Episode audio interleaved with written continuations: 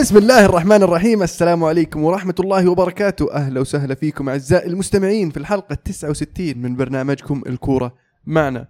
الكورة معنا عبارة عن برنامج صوتي كروي أسبوعي نسولف فيه عن أحداث كرة القدم العالمية والمحلية.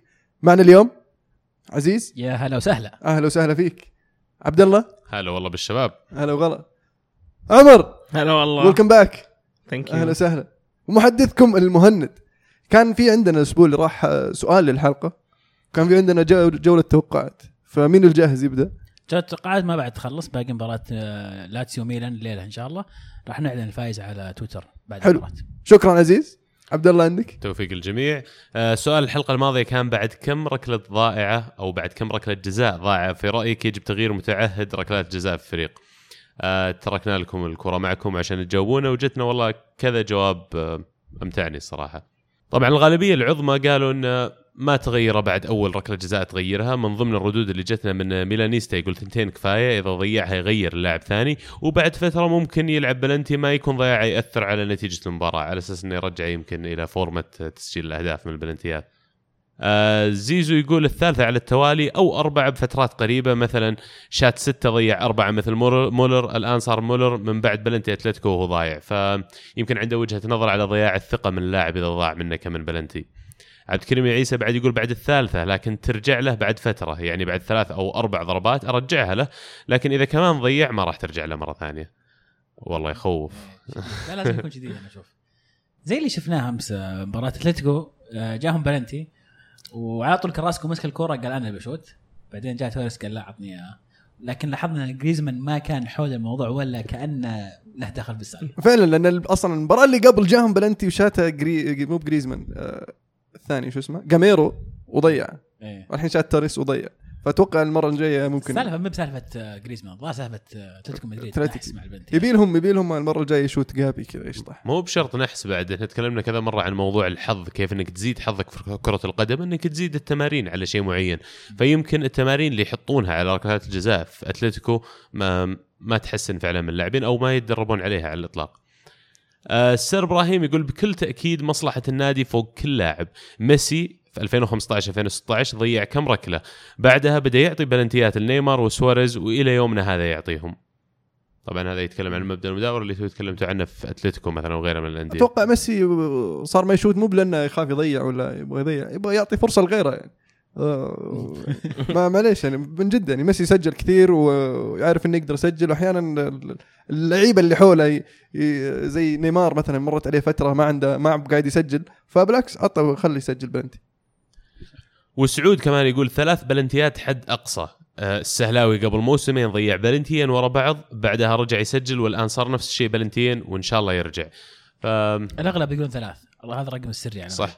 الأغلب ثلاث. إي لأن الثالثة ثابتة هي المعتاد. بس يعني شلون يعني نسحب البلنتي هاوي منه ولا؟ لا لا لسه تو ولا. مسجلة؟ خلينا نشوف. أتوقع مسجلة. اعذرونا إذا ما أسعفنا الوقت نذكر جميع الأجوبة. آه، حاولنا نذكر منها اللي كان فيه خلينا نقول آه، جانب مختلف عن الباقيين. وشاركوا معنا في آه، سؤال الأسبوع الجاي. حلو. ما دام انه في الليغا خلينا نستمر في الليغا. ابدا ما كنا في الليغا. ليش؟ بس السؤال يعني بدأ. أصلا من سالفة جريزمان تضييع البلنتيات وكذا. فيعني نوعا ما كنا في الليغا. أتلتيكو مدريد يفوز 3 2 على سلتا فيجو. مباراة واجه فيها صعوبة الاتلتي تقدم سلتا فيجو آه، رجع آه، جاب التعادل فرناندو توريس بهدف جميل. ثم جابوا التقدم في الدقيقة تقريبا شيء 70 من جوديتي لكن آه، قدروا يجيبون التعادل والتقدم في دقيقتين. 86 88 فعلى ما يبدو إن أتلتي الروح عادت الاتلتي وخاصة المباراة كانت في الكندرون يعني. مباراة مجنونة بأحداثها كانت ممتعة آه بس يظل هذه يورينا دفاع إشبيلي آه دفاع أتلتيكو مدريد عفوا. إنه ما زال يعاني. ما هو بنفس الدفاع اللي تعودنا عليه في المواسم السابقة مع سيميوني. ولا هو بس كذا يوريك إنه في كرة القدم اليوم الفريق اللي يفقد تركيزه لو دقيقتين ممكن يخسر تقدم مو بيتحول لتعادل يتحول لخسارة. فضروري إن الفريق دائما يصير مركز. برشلونة يفوز 6-0 على يعني ال- ال- الغريمة في النهائي الكأس مستقبلا. ديبورتيفو ألافيس. طيب، الفيز نزلوا بالاحتياط لما يبدوا أنا اللي فهمت انهم نزلوا بتشكيله احتياطية عشان يريحون لعيبتهم للنهائي. وين- النهائي مو بكرة. بعدين- بعدين وش صار- وش صار؟ يخبون الخطه يعني وش صار في الشوط الثاني؟ الشوط الثاني يعني كانوا 2-0 خلص الشوط الأول. الشوط الثاني في خلال 10 دقائق تقريبا جابوا خمس أهداف مدري ست أربع أهداف. اي زعلوا عليهم فجأة. أتوقع كذا دبل هم اللي دبلوا الدعسه برشلونة قالوا خل- خلص المباراة ونروق ويرجع الموضوع للتركيز نفسه اللي حكينا عنه. ديبورتيفو فقدوا تركيزهم في العشر دقائق هذه استقبلوا أربع أهداف من أربع هجمات على طول. ولما تلعب ضد فريق زي برشلونة الثلاثي اللي عندهم قدام راح يعاقبك كل مرة تفقد تركيزك. خسارة إصابة آه، أليكس فيدال بس. كان مبدع في المباراة. نفسها أصلا. مو بس في المباراة هذه يعني صار له أيوه. فترة. يعني. بدأ يعطيه الثقة المدرب وبدأ يرجع آه، يلعب أساسي. آه، بعدين جته إصابة شنيعة مسكين. يعني ما أنا كنت أشوف الإصابة هذه في الفيفا يعني يجيك كذا رجلة ثم آه، الساق ما ثم يحتاج القدم مايله ما يحتاج؟ توصف شفنا صور واجد. فانا قاعد اشوفها اللي مش معقول. قاعد أقول يا شوفوا شوفوا إصابة فيفا ما كنت أدري إنها صدق. لا واللي يطمن يعني في كان الموضوع عجيب. اللي يطمن في الموضوع إنه ما هي بكسر في الرجل هي خلع في الكاحل dislocated ankle فتعديله في كسر بسيط. بسيط ما هو ما هو ما هو بكسر مضاعف في اللي يسمونها ال fibula وال tibia ظاهر اسمه مثلا لا مو tibia إيه، مو في الساق مو في الساق. هذه عظام الساق لكن هي في زي ما قلت في الكاحل. آه، لكن أعتقد إن الموسم انتهى بالنسبة لأليكس اي خمس شهور يقول لك مبدئيا. يعني يوم لقوا ظهير مناسب وبدأ يطلع. بدا يبدع ويخلعها مع الفريق. جت. يا أخي كان عندهم من أول أساء التعامل معه في وجهة نظري. آه لعب كم من مباراة في البداية وكان فعلا مستواه سيء لكن الفترة اللي استغرقت إنهم يرجعونه للتشكيل الأساسي ويعطونه فرصة من جديد طولت مرة. وبالنسبة له شيء فعلا مؤسف إنه لما بدأ يزبط الفريق تجيه الإصابة هذه مرة ثانية خلينا نقول تأثر على مسيرته مع النادي. لكن برشلونة لازم يراجعون موضوع تعاملهم مع اللاعب هذا. أنريكي بالذات. ميسي وسواريز يرجعون لصدارة الهدافين ب 16 هدف لكل واحد منهم. لا جديد. ريال مدريد على ما يبدو يحكم قبضته على الصدارة. بثلاث أهداف على أوساسونا 3-1 انتهت المباراة. خارج الديار يعني فوز مقنع آه، قبل مباراة الشامبيونز. وبرضه يعني آه، لسه باقي لهم مباراتين مؤجلة. آه، زيدان زيدان بدأ ب 3 5 2 في المباراة هذه. بنزيما ورونالدو كانوا مهاجمين. وكان كان بالنسبة لي ال- الاثنين دول مع بعض كرؤوس حربه أو مهاجمين اثنين سيئة. ما أحس إنها تصلح. بنزيما يجنح كثير وبنزيما مجرد إنه يجنح ما هو ما هو لا هو برونالدو ولا هو بيل ولا هو بأي يعني هذا يعطينا ولا هو فاسكيز مثلا اللعيبة اللي اللي عنده حلول على الأطراف. بنزيما خطورته في المنطقة رغم إنه مستوى نازل كثير لكن هذا أحسن مركز له. فأنت لما توديه على الأطراف وتطلب منه أدوار إضافية ورونالدو هو اللي يكون راس حربة آه أنت تلعب ناقص لاعب في رأيي. وصنع له هدف. طيب الهدف, الهدف الأول بنزيما صنع لرونالدو. فيعني أوكي في صناعة ما. أختلف معك لكن أنا بالنسبة لي موراتا كانت في ذيك الخانة كان المباراه كانت أسهل. المباراة بالنسبة لي ما كانت يعني ما 3 1 تحس إنها كانت سهلة ما كانت سهلة كان المفروض تكون أسهل من كذا. آه، إصابة آه، دانيلو أيضا في المباراة أعتقد هذا الشيء الإصابة الوحيدة اللي يمكن جمهور مدريد مبسوط منها مو زعلان. شفنا شفنا. ليش كربخال مصاب برضه فيعني آه، لكن دانيلو برضو أشوفه زي بنزيما. ناق يعني كانوا يلعبوا بناقص لاعب. بس ما له بديل الحين لسه في مباراة ال Champions جاية مع نابولي. أتوقع إن ب- لاعب أشوف فاسكيز يغ- يغطي الخانة وناتشو يغطي الخانة أحسن منه حاليا. ممكن. هل تتوقع إن لعب هذه التشكيلة تجهيزا لمباراة نابولي؟ هو اللي عودنا عليه زيدان الفترة الأخيرة قاعد يغير كثير التشكيلة يغير كثير في الخطة اللي ينزل فيها المباراة. ترى أوساسونا المباراة هذه بالذات هوزي مورينيو فقد نقاط فيها من قبل كارلو أنشيلوتي فقد فيها مباراة نقاط من قبل بالذات في ملعب أوساسونا فكون زيدان طلع منها بفوز شيء كبير آه أنا أشوف أخطأ في الخطة اللي نزل فيها 3 5 2 ما عجبني إن الخط دفاع كان متقدم كثير عن المرمى وفعلا استغلها بيدرو ليون في في المباراة. أم، طبعا ال- الشيء الكويس بالنسبة لمدريد حاليا اللي هو إن بيل رجع يشارك في التمارين من بعد غيابه من نوفمبر الماضي تقريبا. فراح يكون دفعة مرة كبيرة بالنسبة لهم خصوصا ان مباريات ال Champions مقبلها الحين. هدف زي ما قلت هدف سيرجيو ليون. واضح إنه في عدم تفاهم بين آه، بيدرو. آه، بيدرو ليون الثلاثة الدفاع اللي بالذات ال- دخل بين راموس وفاران. هذيك التغطية عندهم لسه ما بعد يتعودون على طريقة 3 5 2 أيوه لأن ثلاثة دفاع مختلفة إيه، شوي. ما هي ما هي نفس أربعة عرفت؟ تختلف الأدوار. فاشوف إنها مجازفة لو نزل فيها قدام نابولي بالذات مع اللعيبة السريعين اللي عند نابولي أشوف إنها مجازفة كبيرة. ممكن الفكرة منها إنه يخ- يحد من خطورتهم بإنه يحط ثلاث مدافعين كل واحد يكون مركز على واحد. ويصير في الأظهرة. مع الأظهرة. إيه. ممكن لكن أنا نرجع ونقول إن الأدوار بتدخل على بعض وكل واحد يكون في اتكالية شوي أو اعتماد على على خويه إن هذه منطقته. ممكن قد تخلق لخبطة لل- للمنظومة الدفاعية. محمد يقول أنا ما أدري وراه بنزيما ذا أساسي وموراتا احتياط قسم بالله شيء يقهر واصلا أكبر دليل على دلاخة بنزيما ما حد فاوضه إلا فينجر أنا معلش أختلف معاه في النقطة اللي في البداية آه، بداية والنهاية. لا لا خلي في النهاية أوكي معلش بس في البداية في مباراة أوساسونا بالذات إنك تقول ال comment هذا بعد مباراة بنزيما شارك في هدفين من أهداف مدريد أنا أشوف يعني مرفوض ال- ال- واحدة ضيعها قدام ال- المرمى. ما يخالف ما يخالف بس إنه في الأخير انك قاعد تطلع في اللي ضيعها أصعب من اللي قبل اللي, اللي جابها واللي صنعها. أنا عارف تصير يضيع كذا مثلا كافاني لو تشوف كم واحد يضيع كثير مهاجمين لو تشوف كم يضيعون برضو خلينا نقول بتنقد عليهم. سواريز نفسه حتى يضيع عليه هنا يعتبر من أفضل المهاجمين في العالم. بس لكن تقول من أسوأ المهاجمين يعني وإنه ما يقارن بمراته لا معليش يعني. لا لا لا. بس في أحسن. يعني هو ما قال انه اسوء بس شوف موراتا متعود 3 5 2 لعبها مع اليوفي وحافظها صم. فأنت بتلعب 3 5 2 نزل موراتا هذه فعلا يمكن على زيدان ما فكرت فيها. يعني ما أدري أنا أحس إن موراتا قاعد يظلم كثير حاليا في مدريد. فعلا على على حساب بنزيما. ال- ال- ال- بنزيما لاعب ممتاز زي ما ذكرت يا عبد الله. لكن لما يا أخي اللاعب ينزل مستواه وعندك واحد جاهز عطى الثقة. خاصة لو واحد لاعب شاب يعني وانت وطالع من الأكاديمية وانت طلعته ورجعته على أساس إنه إيش؟ تعطيه الثقة. بس ما أشوف إن الريال قاعد يعطيه الثقة اللي هو يستحقها بصراحة. بس تلوم زيدان ولا تلوم بنزيما؟ ما تلوم بنزيما إنه مثلا لما انخفض مستوانا لسه يلعب تلوم المدرب إنه مثلا صح. ما عرف يتعامل مع اللاعب ينزل واحد بداله يمكن يحفزه إنه يسوي أفضل يعني. عشان فرنسي يا رجل. يصير ومو بس كذا. ترى زيدان هو اللي جايبه. زيدان حتى من أيام ذاك الوقت كان سكاوت في مدريد لو تذكرون أو كشاف مواهب. هو اللي شخصيا تبنى صفقة بنزيما يعني. فالنسيا يتعادل 0-0 ضد ريال بيتيس في إشبيليا وإشبيليا يفوز 1-0 ضد با- لاس بالماس. فوز جميل لاشبيليه صراحة. آه، عودة للانتصارات شيء مهم بالنسبة للفريق. أساس إنه برضه يحافظ على ال- ال- momentum اللي شغال فيه. مشعل يقول العبقري سامباولي لعب 3 3 3 1 وتفوق على لاس بالماس وفي ارضهم وتغلب على الضغط العالي اللي يسوونه. من جانب آخر نقدر نقول إن كعب إشبيليا أعلى من ليستر وهو الأقرب للتأهل. هي إشبيليا عنده الخبرة أكبر في ال- في البطولات الأوروبية والملاحم المباريات الكبيرة.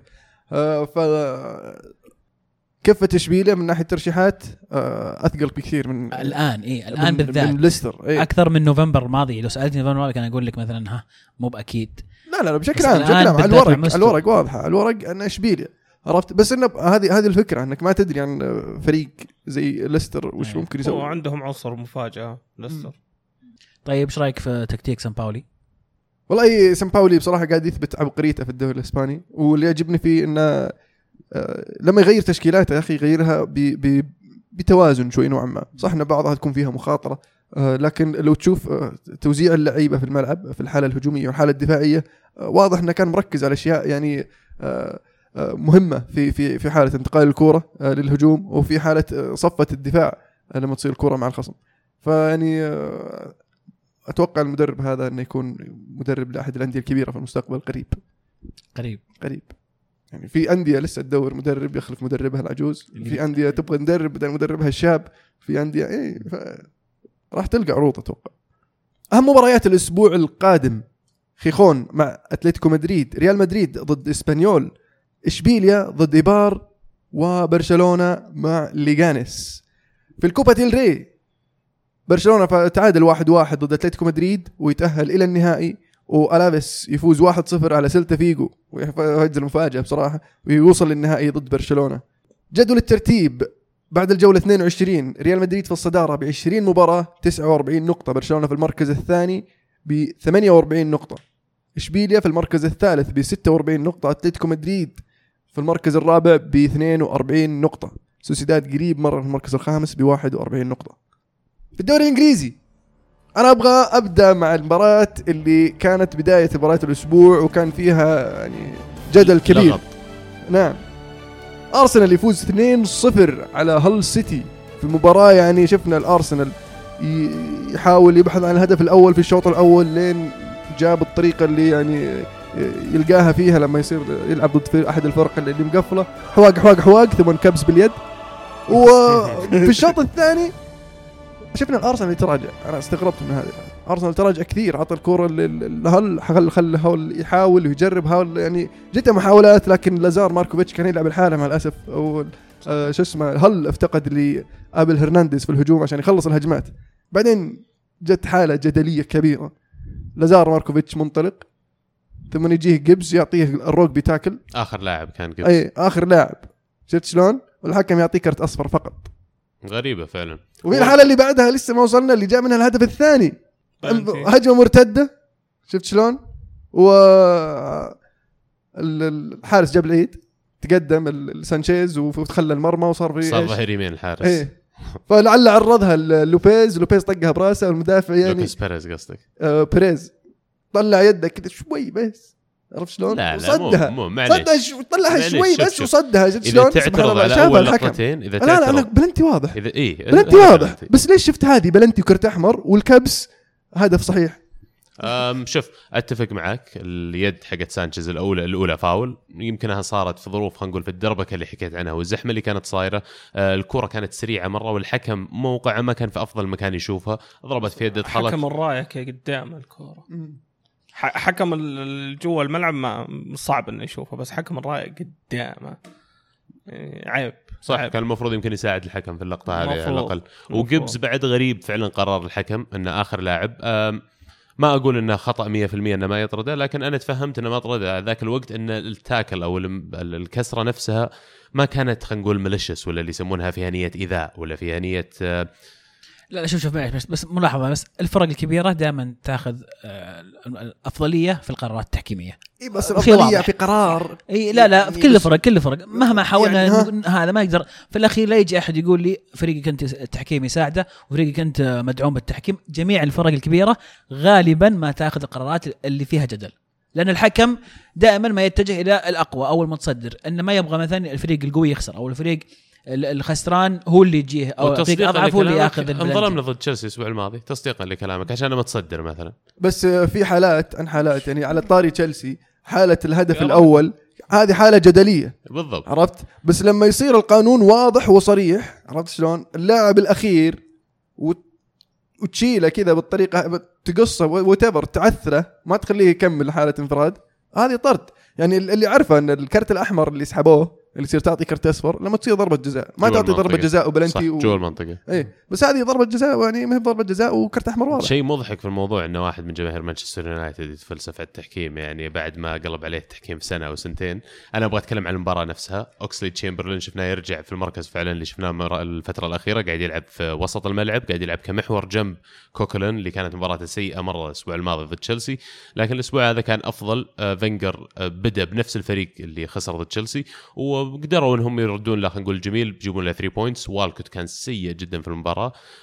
الحين جاية مباراة بايرن المشكلة. فمباراة زي هذه جوا الملعب أصلا حتى جو الملعب تحس الجمهور غير واثقة من الفريق. تحس الصوت مستوى ال- الإزعاج اللي في الملعب مو هو اللي يرهب الفرق الثانية.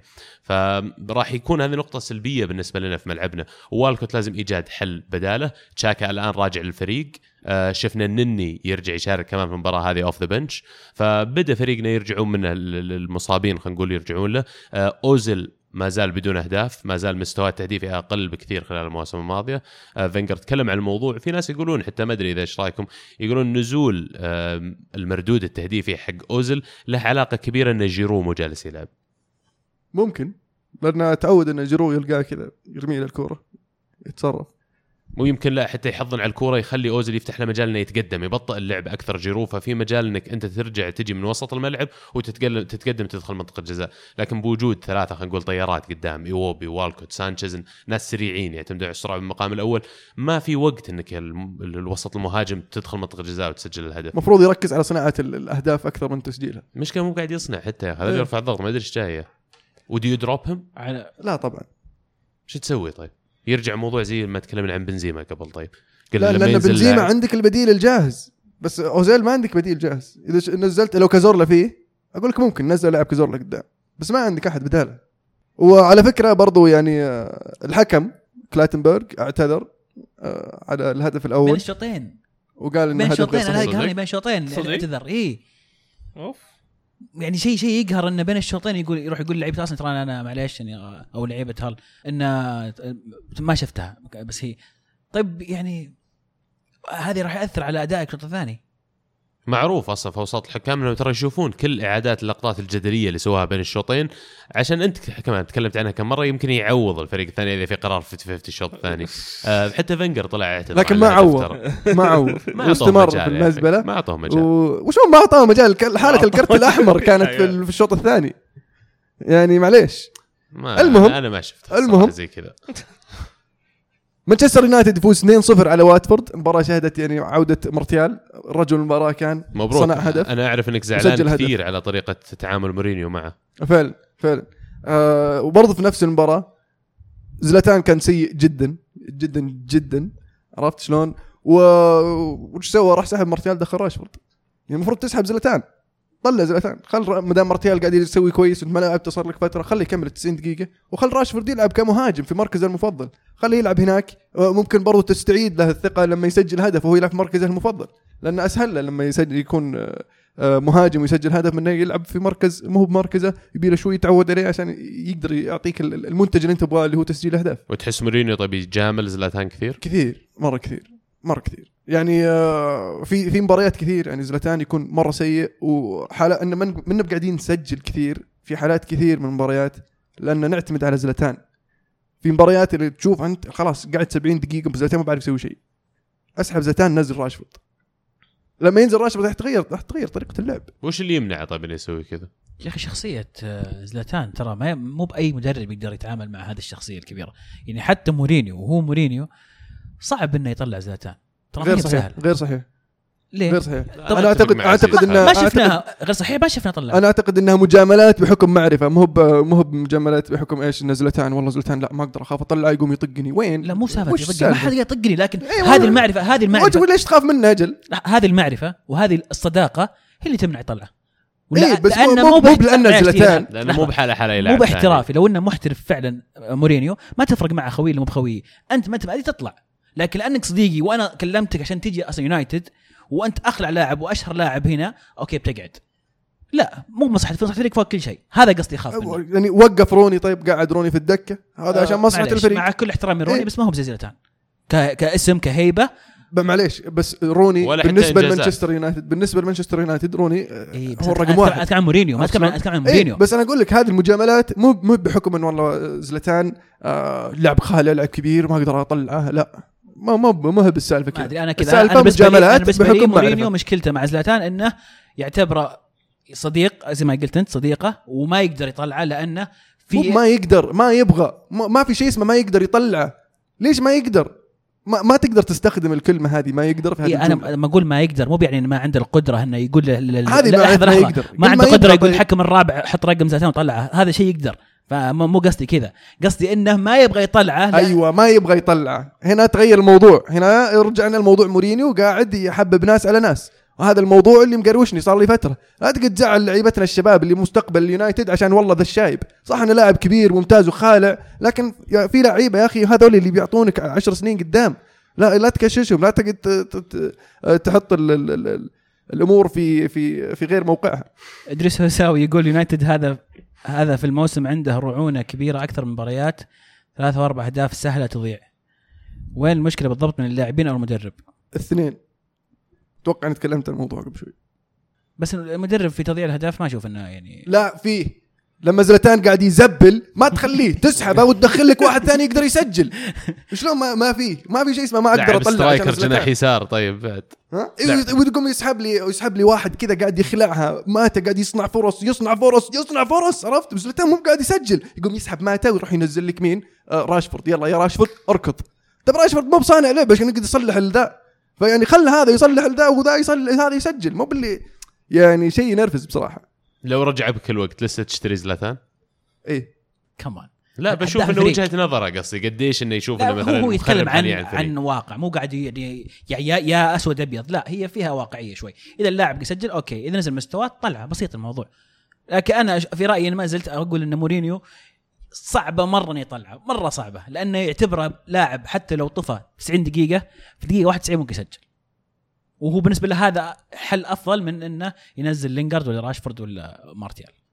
بس أنا أشوف وجهة نظر المهند بعد إذا أنت اللي ممكن تسجل 91 إذا أنت ما تقعد تسوي شيء أعطيتك 60 70 دقيقة ما سجلت it's only fair إنه واحد, واحد عندي على الدكة ممكن إنه يصير شيء في المستقبل اني اعطيه فرصته ولعبه قبل ما يطفش ويمشي عشان يحط واحد يجامل ناس على حساب ناس.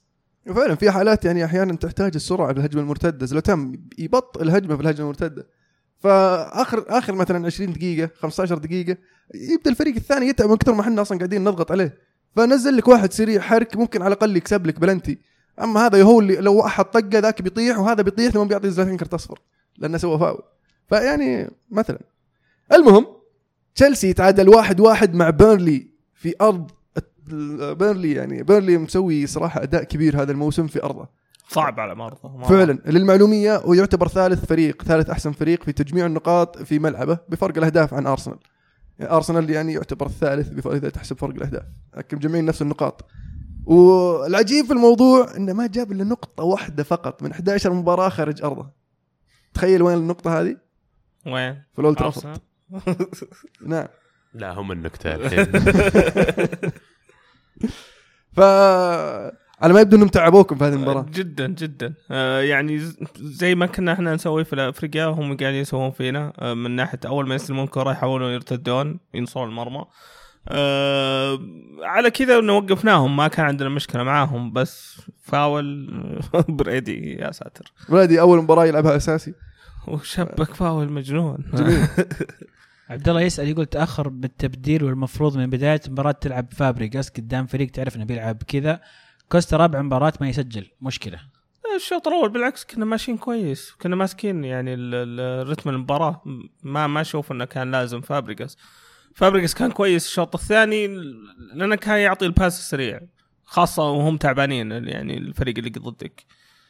كوستا؟ كوستا عادي. تجيك مباراتين ما يسجل. وش دعوة؟ بالذات في- تشيلسي عندهم عندهم حلول ثانية. ما يحتاجون. يعني. عندك هازارد. عندك بيدرو. شفنا كيف الهدف بيدرو. بيدرو اللي مبدع ذا الموسم. أم، أيضا فيصل يقول هل الحل في قتل هجوم تشيلسي هو التقليل من خطورة موزز وألونسو؟ لا, لا, إذا سويت كذا الحل بسيط دخل فابريجاس يمسك وسط الملعب و يعني بتبدأ من الوسط إيوه الخطورة الحقيقية فعلا مو بالونزو وموزز. أتوقع إن أسلوب لعبهم يعطونك خيار option ثاني وثالث ألونزو. وموزز. يجيك لو قفل في النص في أطراف لو قفلت على الأطراف في اثنين جايينك من ورا كمان بيفتحون وعندك واحد زي ديجو كوستا يقدر يستفيد فعلا من اللعب على الأطراف والعرضيات.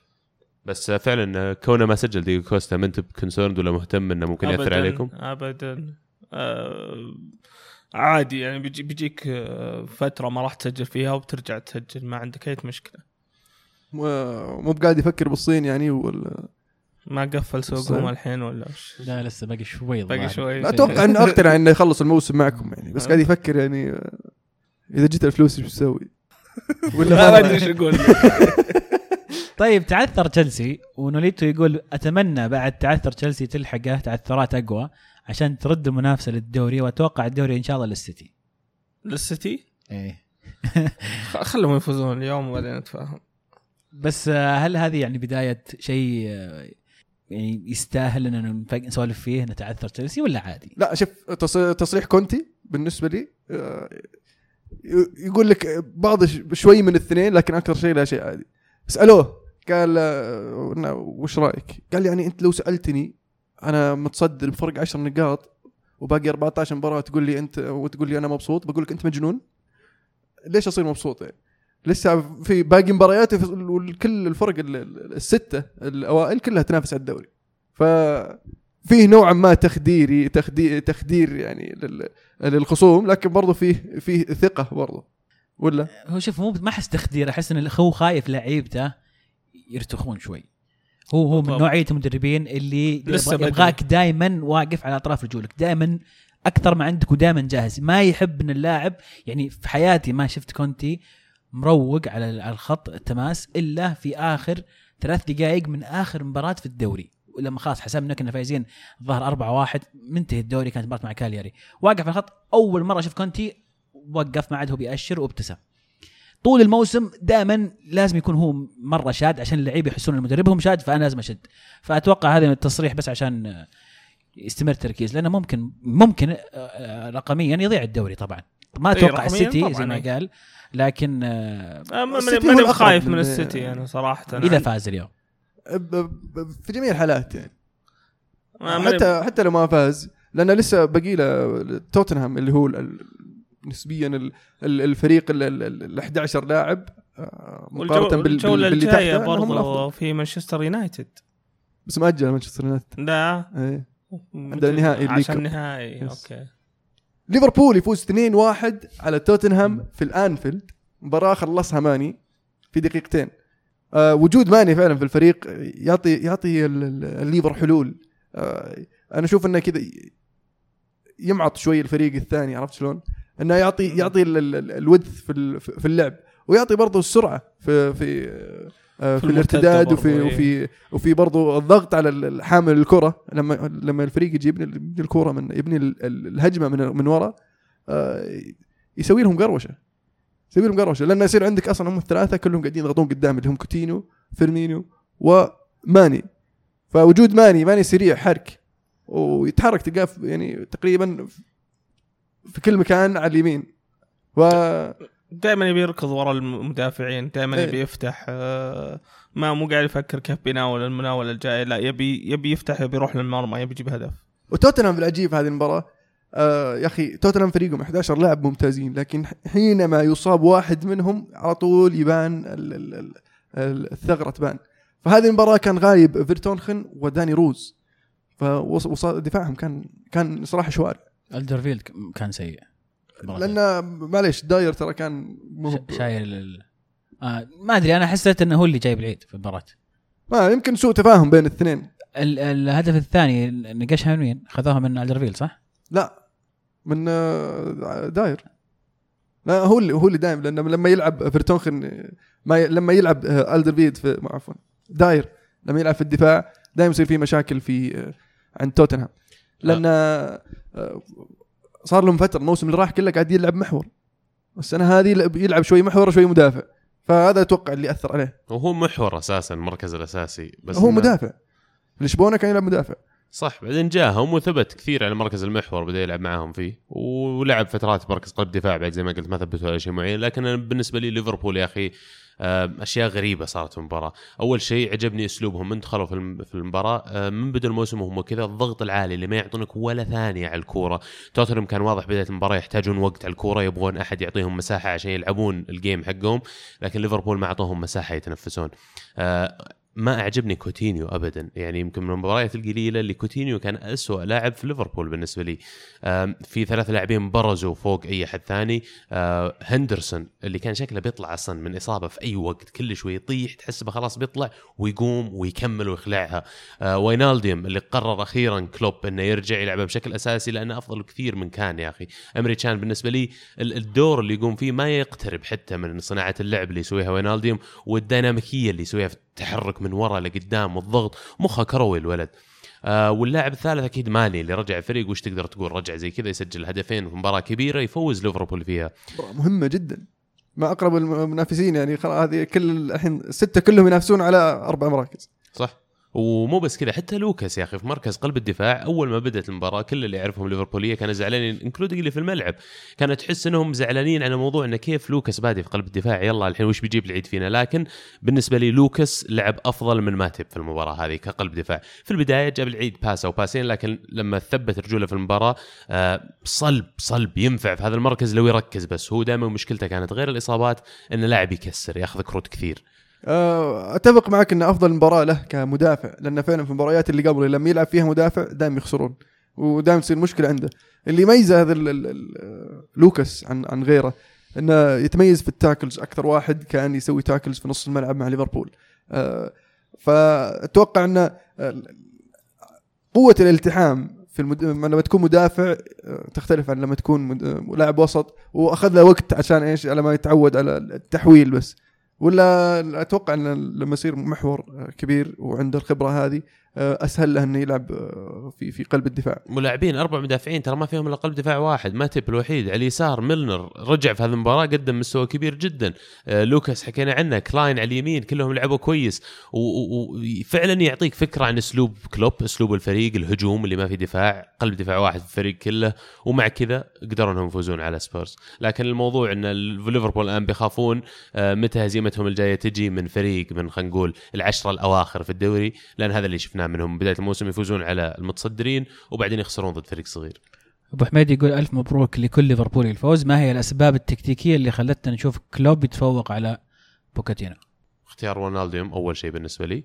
أسلوب لعب كلوب اللي هو داخل محمس الفريق فعلا مهيئة نفسيا وفكريا إنه يدخل المباراة هذه وبانت من البداية. آه، أسلوب إنه ما استعجل في ماني خلينا نقول من أول ما رجع أعطاه شوي وقت أول مباراة ظهر إنه ما لعب أساسي. تشيلسي ما لعب أساسي. اي فبس ما استعجل عليه وفعلا الحين تؤتي ثمارها هذه الأشياء. أنت يمكن ما استفدت منه ضد تشيلسي لكن تستفيد منه في مباريات زي هذه. آه شو اسمه بوكيتينو ما ما عرف آه يلقى الحل أثناء المباراة؟ آه بانه ي- يقدر يوصل لمرمى ليفربول.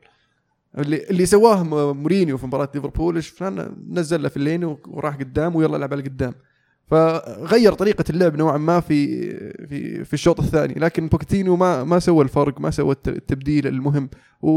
وعيب آه توتنهام إنه ما عندهم الدكة يا أخي. لما تشوف دكتهم 11 لاعب عندهم مرة ممتازين. بس ما عندهم ما عندهم البدلاء. فهذا الشيء اللي ممكن يعانون إريكسون ما كان فيها ما بعد إريكسون كان سيء في المباراة أيضا. والضغط حق ليفربول. again اريكسن اللاعبين اللي زي ديمبيلي غيرهم ما يقدر يلعب لعبة ولا تقدر تلعب بأسلوب لعبك يا توتنهام إذا الفريق الثاني مو معطيك ربع ثانية على الكورة يخرب بيته. كل ما وصلت الكوره واحد من لاعبين توتنهام مو لاعب من ليفربول لاعبين من ليفربول يضغطون عليه. إذا أنت اريكسن جسمك صغير وجايين موجهين عليك اثنين ماشيين مليون بياخذون كرة معك حتى لو مشيت باس باسين ثلاثة ما تقدر إنك تقدم مرمى. وأسلوب لعب سبيرز كمان في استحواذ ترى. في لازم يمسكون الكوره ينقلونها يتحركون تتحرك الكورة. ولا عندهم خلينا نقول ال- ال- المهاجم اللي عمل لهم الفرق. لأن هاري كين إلى الآن يا أخي أشوف إنه overrated يعني. مو بعيد ترى من إيش يسمونه حق ويست هام الفنان هذا. كارول؟ كارول.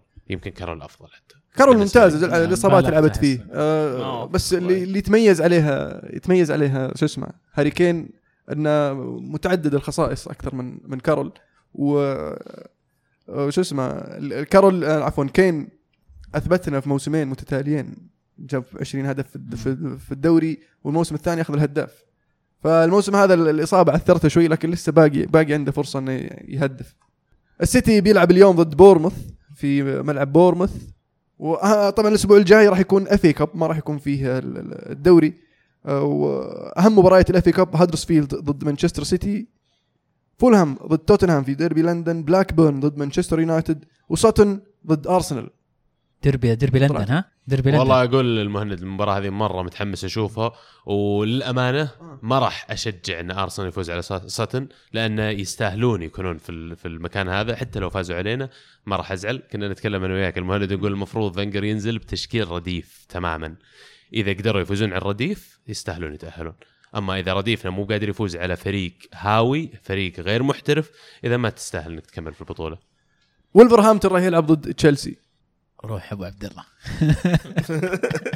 نذكر بجدول الترتيب بعد الجولة 25 في الدوري الإنجليزي تشيلسي بالصدارة ب 60 نقطة توتنهام في المركز الثاني ب 50 نقطة أرسنال في المركز الثالث برضو ب 50 نقطة. ليفربول في المركز الرابع ب 49 نقطة. مان سيتي ناقص مباراة يلعب اليوم في المركز الخامس ب 49 نقطة.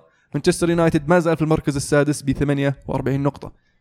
في السيري آ نابولي يفوز 2-0 على جنوى ويستمر في الضغط على روما واليوفي وروما اللي فاز برضو 2-0 على كروتوني.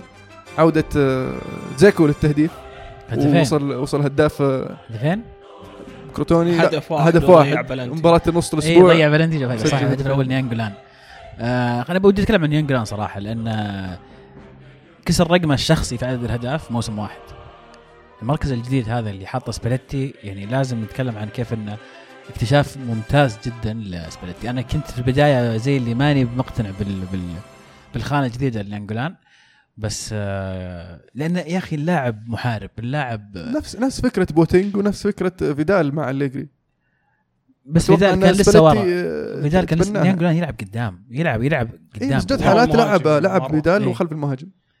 بس ما نجح ما كان ما كان زي ما قاعد يسويه ناينجولان زي آه، بواتينج بواتينج لأنه صارت صارت له نقلة. كان أي. لاعب وسط وصار attacking midfielder خلف المهاجمين و... وتغير لاعب تماما.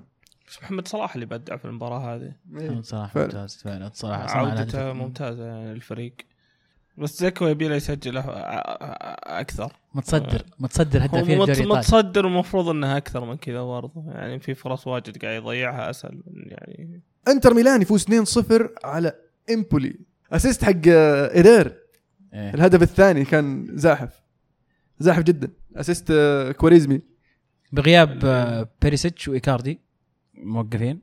شفنا إيدير أساسي و بلاسيو. بلاسيو فعلا من زمان ما لعب بلاسيو. الإنتر والله أشوف إنه كويس. كنت أتكلم الأسبوع الماضي إنه بعد خسارة مباراة كبيرة في في الدوري مهم إنك المباراة اللي بعدها على طول ترجع اللي كنت تشتغل عليه وتفوز. فالمستوى اللي قدمه إنتر كان آه، ممتاز صراحة. نابولي فازوا 2-0 على جنوا. جاكيريني سجل الهدف الأول لا بالعكس ولا زيلينسكي سجل زيلينسكي سجل الهدف الأول بعدين لحقها جاكيريني بالهدف الثاني قبل ما يطلع على طول. أعتقد نابولي جاهزين آه، المدريد ها؟ بالتشكيلة الجديدة. والله غريبة فعلا تشكيلة جديدة بالذات من إصابة ملك شفنا ميرتنز بشكل أساسي يلعب خلينا نقول في مركز رأس الحربة. قاعد يزبط مرة وقاعد يلعب كويس على الرغم من أنك لما تشوفها على الورق تشعر أن كاليخوني يمكن يكون خيار منطقي أكثر أنك تلعبه كمهاجم أول لكن قاعد يستفيد يمكن من السرعة الرهيبة اللي عنده على الجهة اليمنى يوسع المساحات الفريق. ووجود واحد بعد ذكي وخبرة زي ميرتنز ممكن يستفيد أكثر من منطقة اللعب في وسط خلينا نقول في وسط الملعب بدل ما هو على الأطراف. عاد كنت شايف نفسه ميرتنس في هذه الخانة. طبعا أرجع وأقول يحسب الموضوع لساري في وجهة نظري. مدرب ذكي جدا. أشوف أنه يمكن قد يكون أفضل مدرب في الدوري الإيطالي حاليا. مدرب ذكي واللي قاله لاعب فنان بعد إيه. يعني سوى فيه ال- ال- المخاطرة اللي أخذها عليه إنه يلعبه كرأس حربة. بالذات إنه كان عندهم ترى خيارات خلينا نقول رؤوس حربة natural ولا طبيعيين. إيه إيه. واستغنى وقرر إنه ما يلعبهم وقرر إنه يلعب إلى حد ما 4 6 0 زي واحد من المهاجمين اللي عنده باع على فريق إنجليزي وراح هناك ولقى ما في دفاع أصلا ما عندهم دفاع وقاعد يسجل كل أسبوع. فقاعد يخلعها هناك. قاعد يلعب مرة كويس جابياديني طبعا قاعد إيه يتكلم طبعاً عنه. وقاعد يلعب يعني مفجر الدنيا الآن في ال Premier League آه الغريب في الموضوع إن المهاجمين اللي جو من الدوري الإيطالي ما عندهم حل وسط. يا إما يلعب زي ما قاعدين نشوف جابيديني يلعب الحين ولا يسوي زي ما سوى زازا مع ويست هام. صح. فما أدري وش المربط الفرس في الموضوع. زازا عاد عموما طلع وقال أنا أنا ما ألوم إلا نفسي أنا ما كنت ماخذ الموضوع بجدية وما أدري إيش ما كلام فاضي يعني فشلي في وست أنا أتحمله وما ما إلى ذلك. لكني ما أشوف إنه شيء تغير في في فالنسيا إلى الآن يعني. اليوفي فاز 2-0 على كالياري. ويستمر في الصدارة. ولعبوا مباراه لعبنا مباراة مؤجلة إيه، مع. كروتوني برضو 2-0 فكلها 2-0 و توفير قاعد توفير- كويس. توفير طاقة الوضع. سجل اثنين وخلاص وقف و... ونهي الموضوع؟ عاد ضحكني Goal dot com حاطين آه، زي إشاعة كذا مو إشاعة فقرة الإشاعات عندهم حاطين آه، ديبالا أقرب للسيتي من ريال مدريد وانهم حاليا يجهزون عرض ب 25 مليون باوند عشان يضمونه. 25 يقول لك ولا 22 ولاعب. من هو اللاعب؟ والله جد والله يوم شفته ضحكت إذا. اللاعب اجويرو okay ممكن. أتوقع حتى لو اجويرو وأعطوكم اجويرو 20 مليون فوقه ديبالا كقيمه سوقية أعلى من إيه،. هذا. لأن مو الموضوع على فنان لاعب ولا مو فنان. أنت تشتري اللاعب وكمان تشتري اللي هو القدرة إنك تبيعه مرة ثانية في المستقبل. اجويرو خلاص ما راح ينباع. الحين النادي اللي يروح له راح يفقد قيمته عنده. فعلا ولو ديبالا لاعب شاب لسه ممكن يتطور أكثر ويزيد سعره أك... بشكل أكبر. ف فأنت تشتري. جزء من هذا عشان كذا إن 20 مليون زائد اجويرو ما هي منطقيه حتى بالنسبة ليوفي إنهم يفكون فيها ديبالا. لكن ممكن إنه يكون لاعب جاهم جاهز اجويرو بيع ديبالا يعني ب 60 70 80 100 مليون اللي تقدر تحصل عليه وروح جيب اجويرو إذا إنه كذا يعني. بالنسبة لي طبعا لا. بالنسبة لي لا. بالعكس حافظ على ديبالا. لاعب له مستقبل كبير تو صغير. آه، بيئة في اليوفي بيئة مناسبة للعيبة الصغار ينضجون ويصيرون مميزين. وليش لا؟ ما يقعد عندنا فترة طويلة مثلا ويصير أحد آه، رموز النادي. ممكن. رينكون كويس طلع ها؟ كان عنده assist ممتاز في مباراة آه، كروتوني يعني ما فاجأني لدرجة أنا قلت من هذا اللي ناولها؟ من ذا اللي سوى الدفعة الجميلة هذه؟ أيضا عجبني أنا على الطاري نسيت أذكر آم، أليجري قاعد يدور بين بين يجرب ماركيزيو في مكان بيانيتش. ماركيزيو يعطيك شوية من شوية من بيانيتش مهارات المنا- المناولات والكور البينية الجميلة بالإضافة إلى إنه يقطع كور ويعني دفاعي أحسن من بيانيتش فهذا حل ممتاز يكون عندك مرونة في ال Champions League مثلا قدام فرق ضغطك.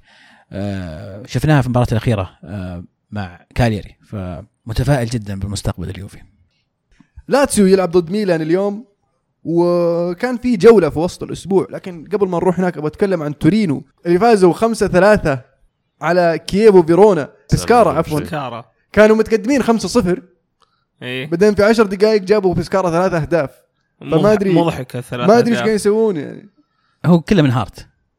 لا لا مسكين. والله مرة مسكين. روح الدوري الانجليزي لا لا هارت ما له دخل بس صدق فجأة كذا طفوا ال- ال- الوضع واستقبلوا اهداف الهدف الأول كعب يعني المدافع لو يحلم ما يسويها يعني بالصدق بالصدق. يبي يسجل هدف. هو يبغى يجيب هدف الايه.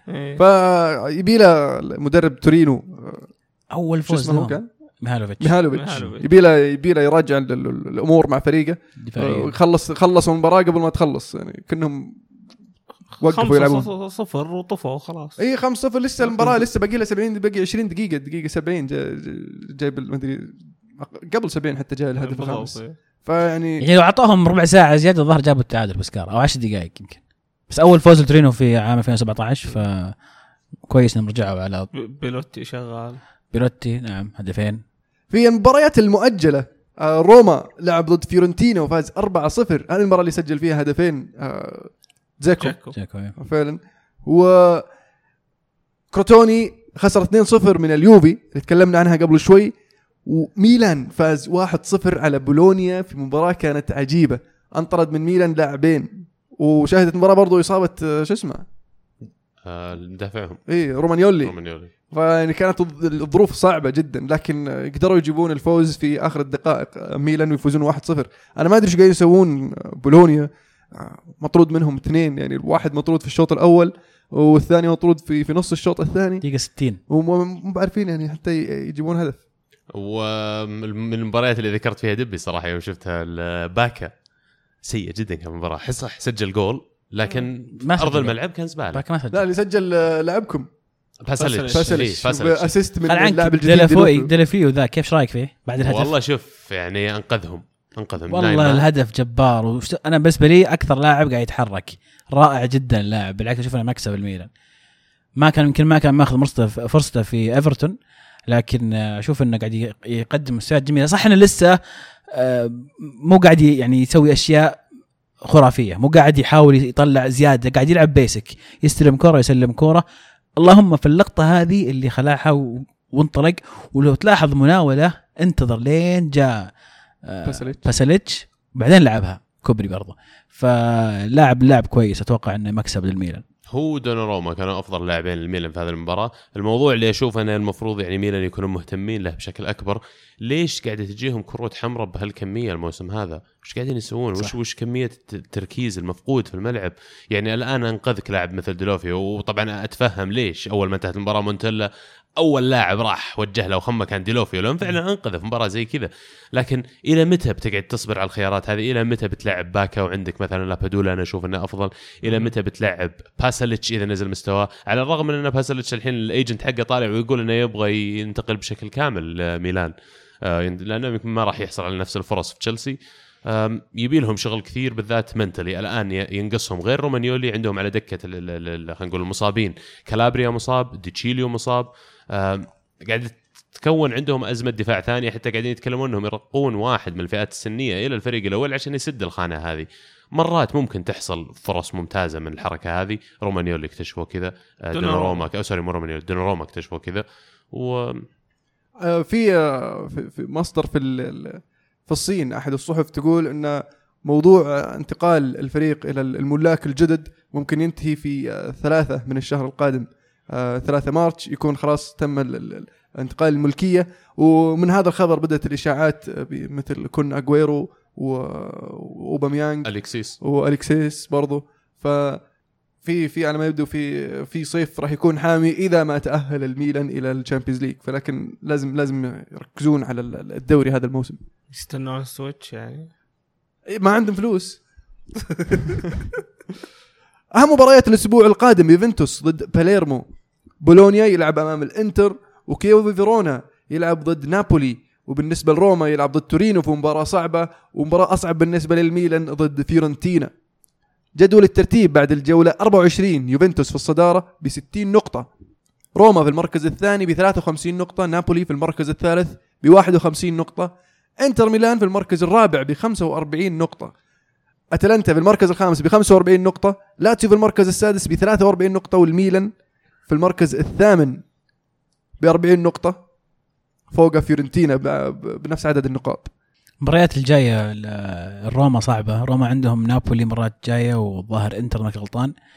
وعلى عكس اليوفي اللي مبارياته مع آه، الثلاثة ال- الأخيرين تقريبا بسكارا على باليرمو على هذه الأندية.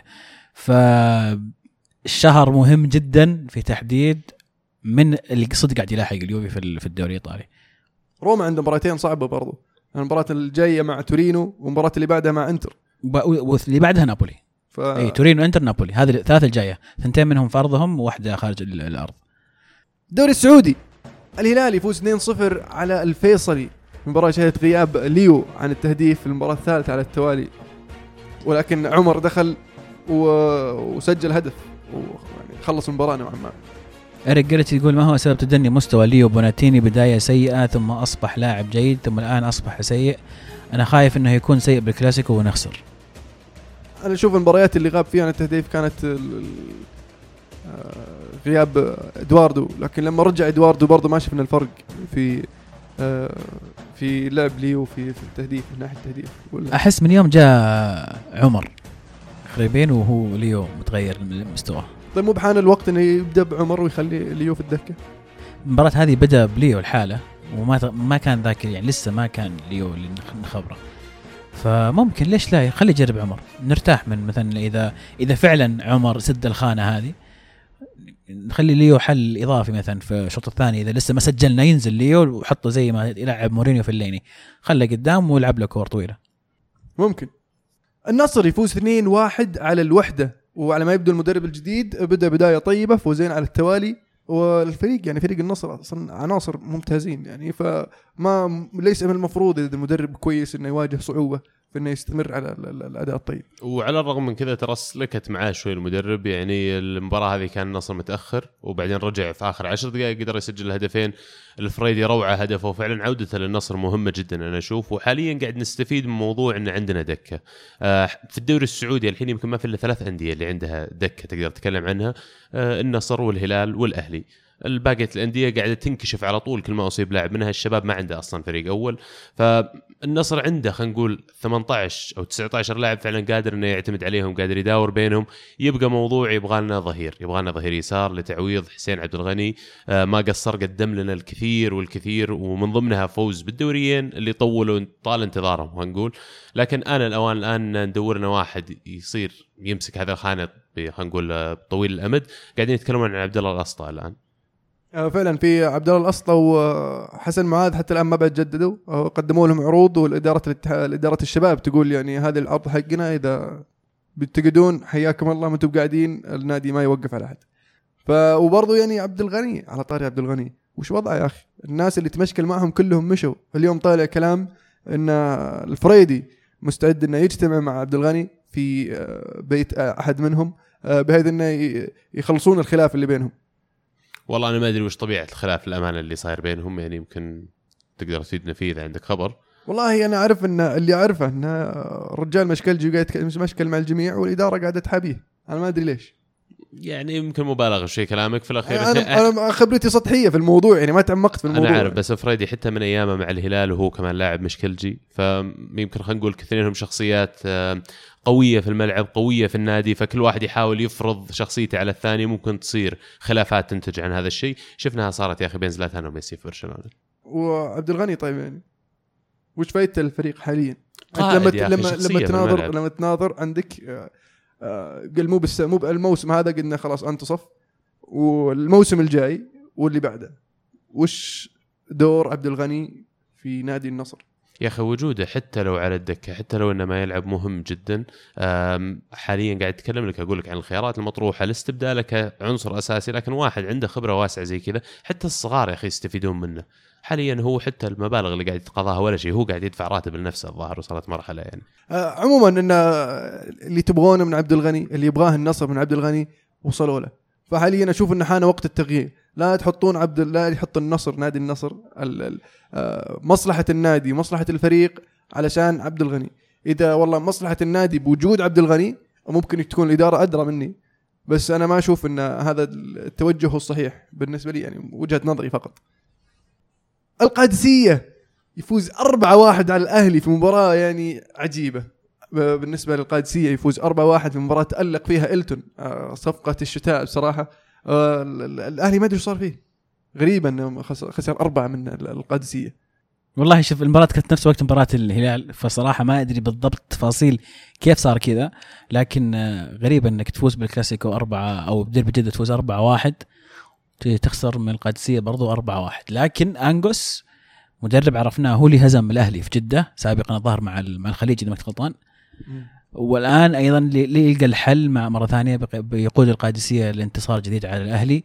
مدرب ممتاز جدا هذا المدرب. صح إنه سحب على كذا نادي فجأة لكن تدريبيا المدرب ممتاز يعرف يطلع الأفضل من المتواجد من عنده من من امكانيات واللعيبه فالأهلي لازم يراجع نفسه في في دفاعيا. يعني أنا أشوف إن محمد فتيل لاعب ممتاز جدا دفاعيا لكن في المباراة هذه ما أدري إيش صار. كان تغطياته كانت سيئة آه وأيضا آه في أهداف من بعيد جت تسديدات خارج المرمى آه الرحيلي يتكلمون عنه لاعب شا حارس شاب وله مستقبل لكن أنا أشوف إنه غير ذلك تماما.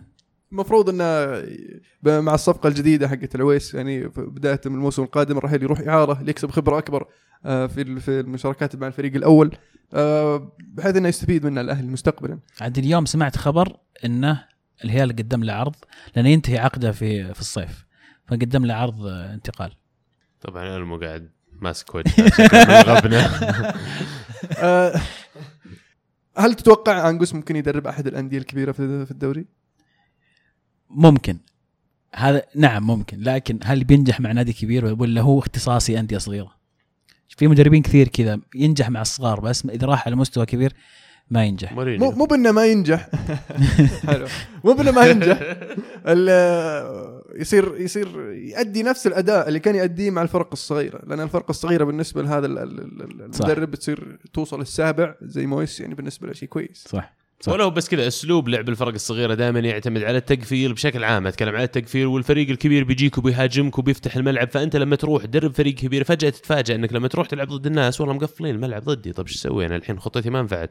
فهذا الشيء اللي يمكن يأثر على إنك تقول هذا مدرب فريق صغير ولا هذا مدرب فلكسبل فعلا بس أنا أشوف اللي اللي يميز آه، انجوس إنه ي- يوظف اللعيبة اللي اللي متوفرين عنده بالطريقة المناسبة اللي الطريقة اللي يشوفها أنسب. اللي ممكن يستفيد منها. هو نفس اللي درب المنتخب انجوس اي إيه. 2007 إيه. وظف اللعيبة في ذيك الفترة بطريقة ممتازة وصلنا فيها نهائي كاس اسيا فعلا لأن لو شفت الاسماء أنت فنجح معنا ها؟ أنا اعتبر معناته نجاح. فريق وش صغير يعني. لا لا, لا، لو ذيك شفت الفترة؟ الاسماء اللي في الفريق صح، صح. وقتها كان يعني مالك معاذ ياسر. لا لا خل خل مالك معاذ ياسر. مالك معاذ ياسر كانوا وقتها يعني أفضل مهاجمين عندنا. بس أنا أتكلم عن مثلا آه، أحمد الموسى. أحمد الموسى صح؟ أنا كنت أقول مش مين أحمد الموسى؟ ليش جايب لي احمد الموسى في فلان وفلان وفلان؟ بعدين أحمد الموسى صار نجم. يعطيه إخوان على إيه. وقته. فيعني آه، واضح إن المدرب يعني عنده نظرة عنده رؤية. فيعني ممكن. كان في ظهير شاطح بعد يلعب من هو؟ ظهير يسار الظاهر. كامل الموسى. كامل كامل الموسى. الاتحاد يفوز 2-1 على التعاون في مباراة يعني كان فيها جدل على التحكيم وعلى ما يبدو الحكم المباراة وقفوه إلى أجر غير وش مسمى. صار؟ صار في طرد حاله طرد على مين؟ على أحد لعيبة التعاون آه. والإدارة التعاون أشتكت وعلى ما يبدو أنا أنا قريت بس شو اسمه آه، قريت تصريح عضو عضو نادي التعاون إن سبب الطرد كان إن اللاعب قال للمحكم اسكت ما قال لك كذا أكيد قال اسكت ممكن است... هو استفز الحكم استفز الحكم. آه، لكن ما ما أدري اذا ما أدري شلون وصلت إن الحكم يتوقف يعني ما أهم مباريات الأسبوع القادم الهلال ضد الخليج والأهلي ضد النصر والشباب ضد الاتحاد. اوه تقول جولة يعني مولعة. نذكر بجدول الترتيب بعد الجولة 18 الهلال في الصدارة ب 44 نقطة. الأهلي في المركز الثاني ب 40 نقطة، النصر في المركز الثالث ب 38 نقطة، يعني المباراة الجاية بينهم راح تكون يعني مصيرية. الاتحاد في المركز الرابع ب 38 نقطة، والشباب في المركز الخامس ب 26 نقطة. الشباب يستمر في مسلسل التعادلات المخيبة للأمل نوصل فقرة حول العالم. في الدوري الفرنسي موناكو يفوز 4-0 ويحكم قبضته على الصدارة. PSG يفوز 3-0 ويوصل للمركز الثاني بفرق ثلاث ثلاث نقاط عن المتصدر موناكو. نيس يتعادل ويتعثر وينزل المركز الثالث في الدوري الفرنسي. بالنسبة للدوري الألماني بايرن ميونخ يفوز 2-0 خارج الديار أمام إنجولشتات في مباراة يعني حسمت في آخر دقيقة في المباراة هدف الدقيقه 90 من فيدال ودقيقة 91 من روبن. انتهت المباراة 2-0 دورتموند يتعثر أمام دارمشتات يخسر 2-1 خارج خارج الديار. وبالنسبة للايبسج أو إيش كان اسمه؟ لايبزيج. لايبزيج. يخسر 3-0 في ارضه ضد هامبورغ. هامبورغ يعني اللي قاعد يعاني صار له سنين. حاليا يعني كان كان في في مراكز الخطر وصل المركز ال 15 بعد الفوز هذا.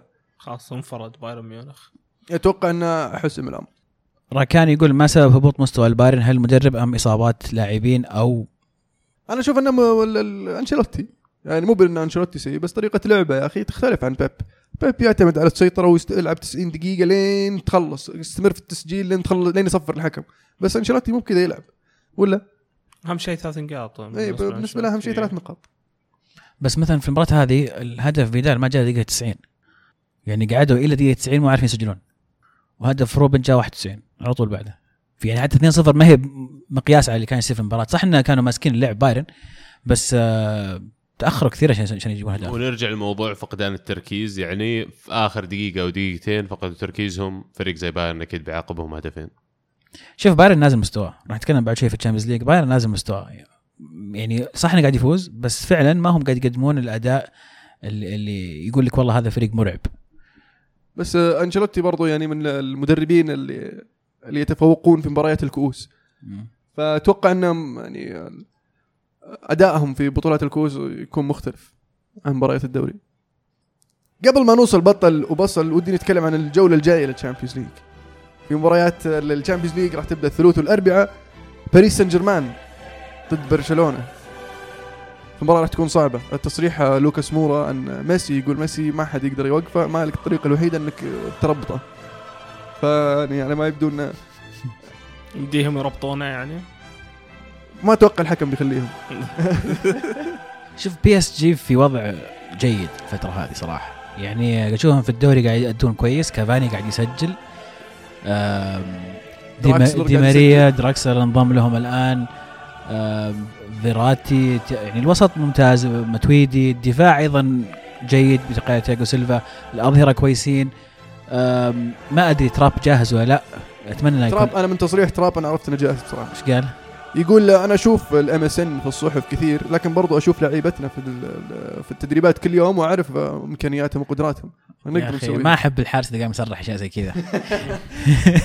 دائما ينزل من بكرة صورة له في تويتر تصريحة وبعدين وهو ميسي قاعد يقلب ولا شيء زي كذا عرفت؟ لا لا؟ عاد ميسي ما يقصر. عاد. أنا أحس إن PSG أضعف بكثير من برشلونة. PSG هذا اللي بنشوفه السنة هذه في ال Champions أضعف من PSG اللي شفناه أو أضعف PSG شفناه خلال ثلاث أو أربع أو حتى خمس سنوات ماضية. آم، ما ابدا مو عاجبيني حاليا بال look الجديد. أحس ناقصهم marquee signing يعوض خروج زلاتان. لأن كافاني خربوه يا أخي من كثر ما لعبوه في مراكز أخرى ما لعبوه في مركز striker اللي المفروض هو خلال الاربع مواسم الماضيه فعلا developed فيه ولا آه، آه، طور من إمكانياته في المركز هذا. تشوفها الآن ضايع شوي كأنه مهاجم بدون أسنان ما يقدر. غير صحيح غير صحيح غير صحيح. غير صحيح. هداف الدوري تتكلم عن هداف الدوري. أكثر لاعب في الدوريات الخمس الكبار مسجل أهداف. إديسون كافاني. لأنه رجع قاعد- المركز قاعد اتكلم عن دوري فرنسي يا أخي. لأنه رجع مركزة يا أخي. طيب. بلوتيلي قاعد ينافس على هداف الدوري. تتكلم غير عن إيش صحيح؟ صحيح غير صحيح. غير صحيح. أقرب المنافسين له لاجازيه 18 هدف وعنده يخالف. الظاهر 23 هدف خمس أهداف فرق. تكلم عن آه، واحد مهاجم فد ورجع المركزة وبدأ يهدف. قاعد تقيس على عدد الأهداف بس مو بعدد الفرص اللي سجلها من أصل اللي سنحت له. شيء طبيعي شيء طبيعي لأن اللاعب أنت قلتها قاعد يلعب مركز خارجي مركزة لف- لفترة طويلة. لما رجع مع ذلك أستغل كثير من الفرص وأنقذ الفريق في في آه، في في مراحل كثيرة. هدفين اللي سجلها في المباراه اللي راحت فولي كلهم على كيف ما جات تجي الكرة. في الجول. اللي قاعد أقول إني أتوقع ضد برشلونة ما راح تحصل له فرص كثير راح تحصل له فرصة فرصتين ثلاث فرص يمكن لأن برشلونة بيمسكون الكرة كثير. هل بيقدر يسجل من هذه الفرصة ولا فرصتين اللي تجيه؟ أنا ما أتوقع. برشلونة برضو ترى يع- اسوء برشلونة في, يعانون في. الفترات الأخيرة برضو. هذا البرشلونة قاعد نشوفه. آه، هجومهم ما زال قوي لكن وسطهم مو بنفس القوة. الدفاع مو بنفس القوة. يتأثر كثير بغياب امتيتي آه، حاليا آه، بيكي مصاب. أتوقع إنه يرجع في المباراة هذه. لكن فيدال مصاب. وعندك شو اسمه إنيستا. تو راجع من الإصابة. صعب إنه يب- يبدأ أساسي. ف يعني في في في أشياء تو- توزن الكفة نوعا ما. و PSG بيبركون الباس ما. أتوقع. لا لا. ما أتوقع. مباراة في باريس. أنا أتوقع أنا توقعي فوز باريس. سجل معنا. أتوقع الفوز. ما راح يكون فوز يعني صريح جدا. اتوقعها مثلا تكون 2 1 زي كذا يعني فيها فوز غير مريح. لكن PSG عندهم الإمكانيات الهجومية إنهم يصعبونها برا على برشلونة. بالذات زي ما قال المهند آه، دفاع برشلونة الآن مع الإصابات والموسم هذا بشكل عام ما, ما هو ما هو ممتاز. ممكن استغلال الضع- ممكن الضعف استغلال. كافاني أنت قلت إنه يضيع كثير بس مو شرط إن أول فرصة تجيه يضيعها. ممكن يسجل أول واحدة ويضيع ثنتين بعدها. فايضا أنا أنا مع المهند أيضا في النقطة هذه ان إن كافاني مهاجم فتاك. يمكن أحيانا في بعض المباريات ما يكون يومه أتفق معك لكن آه، مباراة ما راح تكون سهلة ابدا على برشلونة. آه، توقعي أنا بشطح شوي بقول ان إنه يفوزون باريس جيرمان 2-1 على نشوف بعدها بأسبوعين في في, باري في برشلونة. أنا اتوقعها تعادل ونرجع تذكير الهدافين بس آه، كافاني 25 هدف لاجازيب 20 هدف يعني فرق خمس أهداف برضو. بس آه، بالوتيلي عنده تسع أهداف. أنا برضو اتوقعها تعادل واحد واحد. أشوف برشلونة أقرب الفوز يمكن 3 1 3 1 في في باريس. بنفيكا راح يقابل بروسيا دورتموند. مباراة يعني متكافئة نوعا ما. آه، الفريقين عندهم لعيبة آه، ممتازين.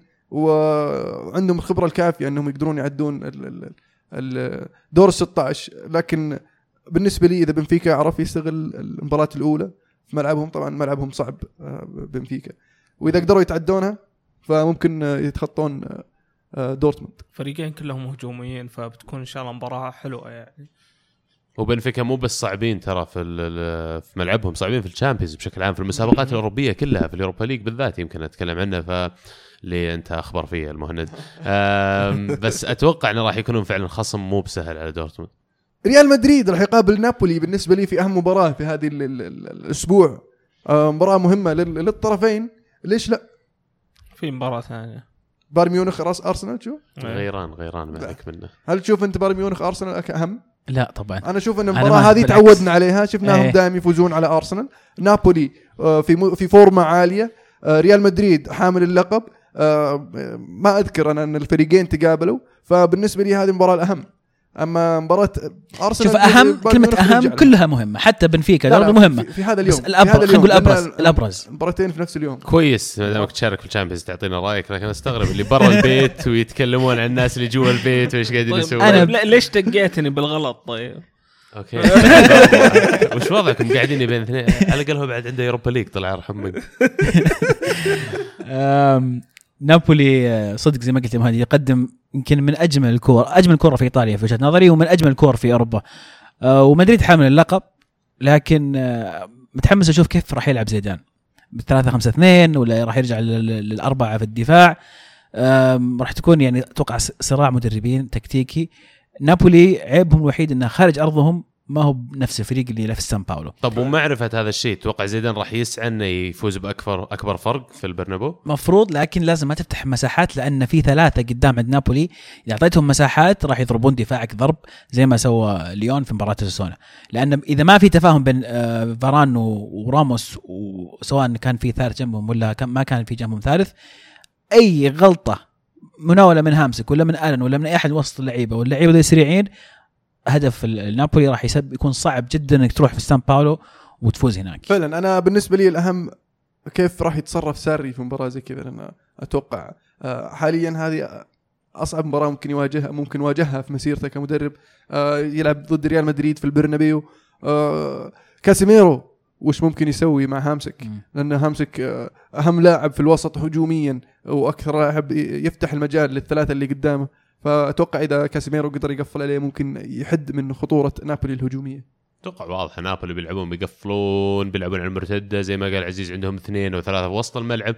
قادرين يفكون الباس اللي الثلاثة اللي قدام بيفكون سبرنتات بيشقون الدفاع شق لأن مدريد كمان راح يلعبون. زي ما شفناهم يلعبون قبل خط دفاع متقدم بيحاولون يضغطون نابولي في مناطقهم بيحاولون يستغلون وجود لاعبين هجوميين على مقدار عالي. اللي بيكون interesting إنه هل بيلعب بيل ولا لا؟ وثاني ما, ما أعتقد لأن ما ما, ما شارك ولا مباراة. ولا لسه. بديل لأنه رجع الحين التمرينات أتوقع راح يكون موجود على الدكه بيل بيل يقولون احتمالية مشاركته في المباراة الثانية آه، في الإياب. اي في اللي هي في بداية الشهر الجاي آه، في بداية March. وحتى رونالدو ما شارك في التدريبات ترى اليوم أو البارح. اي ما شارك في التدريبات يعني. إيه، لما تنزل حلقة البارح. فرونالدو ما شارك في التدريبات البارح. آه، يقولون تجهيزا لمباراه نابولي. أنت كذا تلخم المستمع يا أخي. اليوم ما شارك. ما شارك اليوم ما شارك. هم- هم يسمعونا. الاثنين. إيه، اليوم الاثنين ما شارك لخمت خلاص رونالدو رونالدو ما شارك في التمرينات يوم عشان. يبي يروق لمباراة نابولي. جديده أول مرة أسمعها هذه أنا. واحد ما يتمرن عشان يروق المباراه يعني إذا أنت اوريدي تتمرن كل يوم حتى في إجازتك أتوقع مرات لما توقف شوي حتى ما عليك ما عندك مشكلة يعني. بس إنه غريب. طيب نتيجة؟ 3 1 مدريد. أشوف إذا مدريد لعبوا ثلاثة دفاع بت- بتخدم آه، نابولي صراحة. إيه، إيه. آه، خاصة بالخطة اللي بدون مهاجم هذه. آه، آه، خلينا نقول 1-0 نابولي. 1-0 نابولي؟ إيه. هناك. لا، تكون. لخمه إيه. في البرنابيو. صعب. بتكون برنابيو الريال بيسجل. بيدخل مراته الدقيقة 85 بيسجل دقيقه وانت 90 الصادق راموس بيسجل. لا صدقني مراته لعبت الشامبيونز ليج في الأدوار هذه. راموس نهائيات. أتوقع 2-1 آم، ريال مدريد وراموس بيسجل جول. 2 1 منطقية أكثر. أنا أنا شايف شايف المباراتين على فكرة. 3 1 الذهاب الإياب 2-0 نابولي. من 3 1 لا الإياب 2-0 ويتأهل أوه نابولي. نابولي بيتأهل انت إيه. تقول أوكي. شايفك 3 1 2-0 شفتها متى؟ قبل شوي؟ قبل أمس. في المباراة الابرز بالنسبة لعمر ويمكن عبد الله أنا مو بالنسبة لي بايرن ميونخ. بس ما بالنسبة ما- أنا أشوف أشوف في. مباراتين كويسة بس. ما ما بزيك بايرن ميونخ طيب هو وأرسنال هو يشخصن الموضوع ما يعني مشخصنها، بس يعني أنت دائما. professional ترى ترى بعد شوي. بنتكلم عن. يونايتد سانت ايتيان الظاهر أصبر ما تقابلنا من 40 سنة بوجبا ضد بوجبا ايتيان ومين؟ يونايتد مانشستر فريق-. اسمه مانشستر يونايتد إيه. إيه. تعرفه أعرفه من زمان زمان. اتذكر اول ما أدري وين المركز السادس ما صرتوا الخامس أنتم؟ صرتوا- لا لا عجزوا يتغيرون يا رجال. يشكي لي الحال كل أسبوع يجي يقول عجز نفوز ما نتغير نخسر ما نتغير. يقول مرات أبي لا خسرنا ينزل المركز. ما في فائده السادس وش رأيك في آه، وش توقعاتك بالنسبة للمباراه؟ وش الطريقة اللي ممكن يطلع فيها أرسنال بأقل الخسائر أو ممكن آه، أفضل نتيجة يطلع فيها أرسنال؟ طيب خلينا نسأل سؤال أول. وش وسطكم بيكون؟ في المباراة هذه؟ اي أتوقع راح يكون الأوكس قاعد يكمل على نفس اللعب الممتاز. تشاكا قاعد يرجع أتوقع راح نشوف كوكولن جنبه. يمكن يلعب بالثلاثة يقرر يلعب 4 3 3 المفروض في المباراة هذه نلعب 4 3 3 قاعدين نلعب برا ملعبنا. الأسلوب اللي كنا نلعب فيه قبل إلى حد ما كانت خطتنا ترى 4 2 4 محورين وأربعة هجوم لأنه اوزل محسوب على المهاجمين ما يدافع. فمباراة زي كذا أنت محتاج الكسيس موجود كراس حربة، محتاج لاعبين مرة سريعين على الأطراف، ومحتاج واحد يقدر يناول الكرة في الوسط. ما أدري كيف بيرتبها، أتوقع من خبرة اللي تكلم عنها المو خلال الست سنوات الماضية، أتوقع بيعوقها فينجر وأتوقع بنخسر وبيرجع للإميريتس يمكن نفوز في الإميريتس. توقعك وكم تحس إن النتيجه منطقية إن ترجعون وتفوزون في في الـ left؟ نظري موضوع اللي تكلمتوا عنه قبل إن بايرن أضعف من أول مستواهم نازل. أتوقع الموضوع يرجع بشكل أساسي لوسطهم. إذا تغلبنا على معركة الوسط ممكن نطلع بنتيجة إيجابية. أتوقع واحد واحد نتيجة المباراة. آه أنا توقع ولا تتمنى؟ والله حطيتها وسط بينهم ما قلت أرسنال يفوز اللي أتمناه ولا قلت بايرن يفوز اللي يمكن هم مرشحين قلت واحد واحد وواحد واحد راح تكون نتيجة أكثر من إيجابية طبعاً. بالنسبة لأرسنال. آه أنا ما أشوف إن فينجر راح يحوقها، أنا أشوف إنه ما راح يغير شيء وراح يلعب زي ما هو يلعب دايم وعشان كذا راح يخسر 3 1 شفت شلون؟ من رايي من رأيي الطريقة اللي المفروض يلعب فيها اللي هي 4 3 2 1 سانشيز قدام وراه آه إيوبي وأوزيل أو يعني إذا في أحسن حد أحسن من إيوبي ممكن في الوسط طبعا آه، تشاكا وكوكولان والأوكس أو آه، بدل كوكولان ما أدري إذا جاهز كوكولان طلع مصاب في آخر المباراه ممكن يلعب النني بس أهم شيء يلعب ثلاثة وسط في هذه المباراة لأنه بوسط البايرن صعب والأليانز ملعب صعب فلازم إيش؟ لازم يقدر يمسك ال ال الوسط. على الأقل أختلف معك. يكسب. وسطهم تعبان مرة يا أخي. بس فيدال اللي عندهم world class midfielder شو بس؟ الباقيين يا أخي تياجو معليش ما قدم اللي كانوا متوقعين من الناس إنه يقدمه.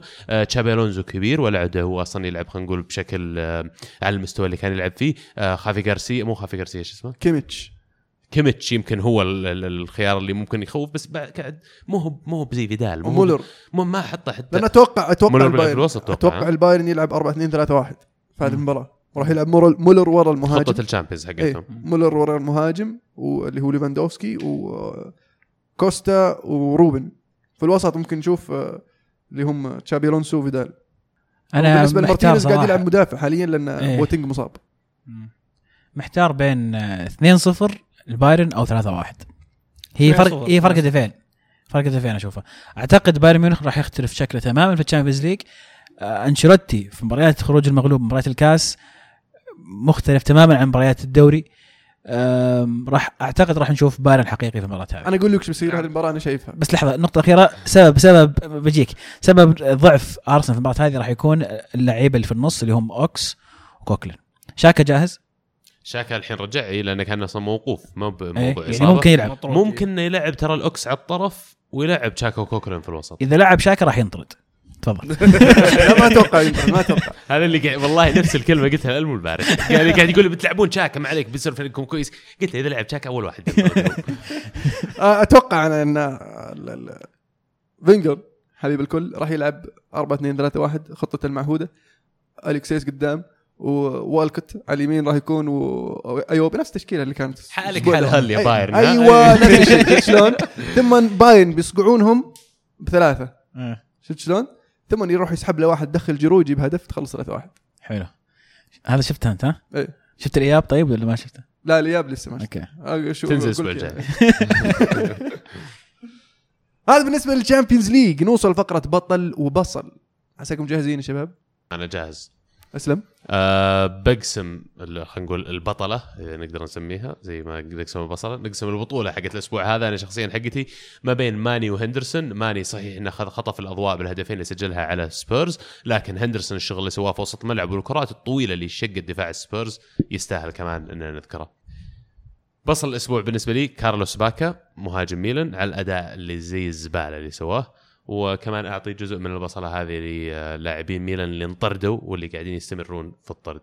هدف الأسبوع بالنسبة لي هدف أندي ديلوغ اللي سجله في الليج 1 مع فريق تولوز الهدف الأول في المباراة. ليج 1 ليج 1 شكرا دائما آه. تفيدنا بمعلوماتك.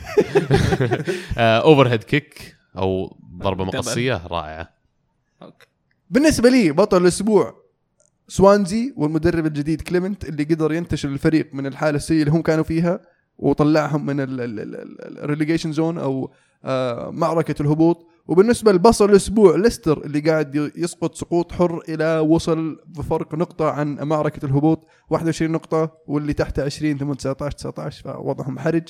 وفي مباراة Champions جاية ولسه في cup فيعني راح يكون قروشه وضعهم في الأسابيع القادمة. وهدف الأسبوع هدف النينو فرناندو توريس. هدف كان جميل. ثبتها كذا ضربها في الأرض نطت فوق اعطاها يعني هدف برباتوفي أكثر ما هو دبل. لازم يدخل لك شيء له دخل بيونايتد إيه لازم. تفضل يا عمر عندك. بطل الأسبوع بالنسبة لي آه، ماني ما يحتاج بطل الأسبوع هذا. آه، بصل الأسبوع أعطيها ساندرلاند اللي خسروا 4-0 بعد ما فازوا 4-0 الأسبوع اللي فات.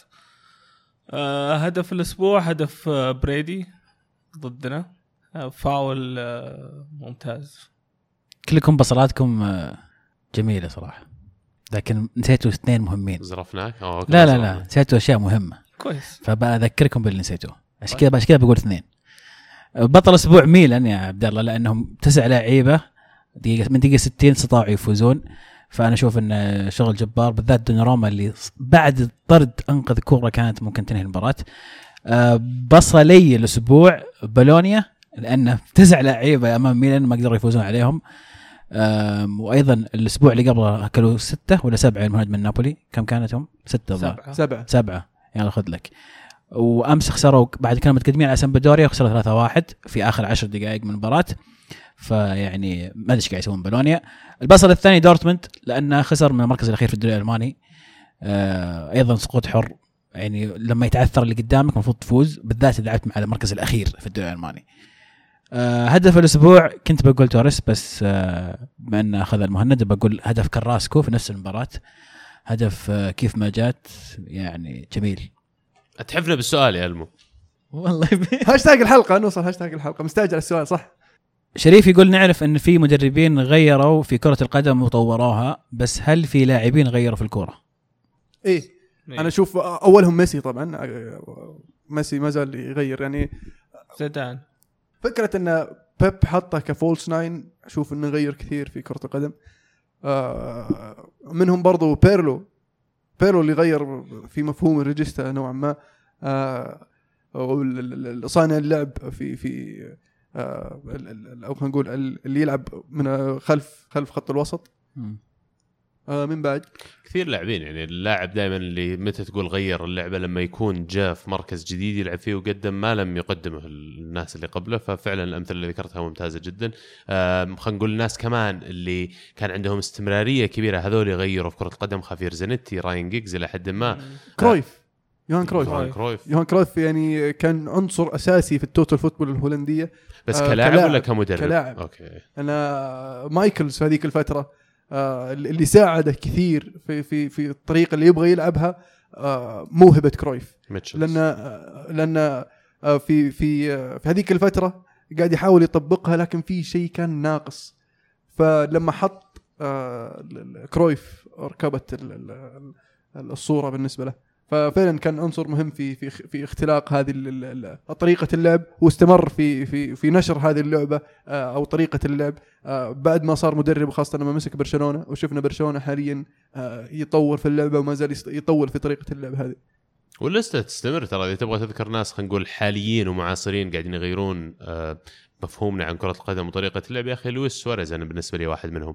لويس سواريز طريقة لعبه في striker في المركز هذا ما مر عليه مهاجم قبل يلعب بنفس الطريقة بنفس الجوع على الكره خلينا نقول. فعلا تحس إنه مهاجم متوحش أقدر أسميه.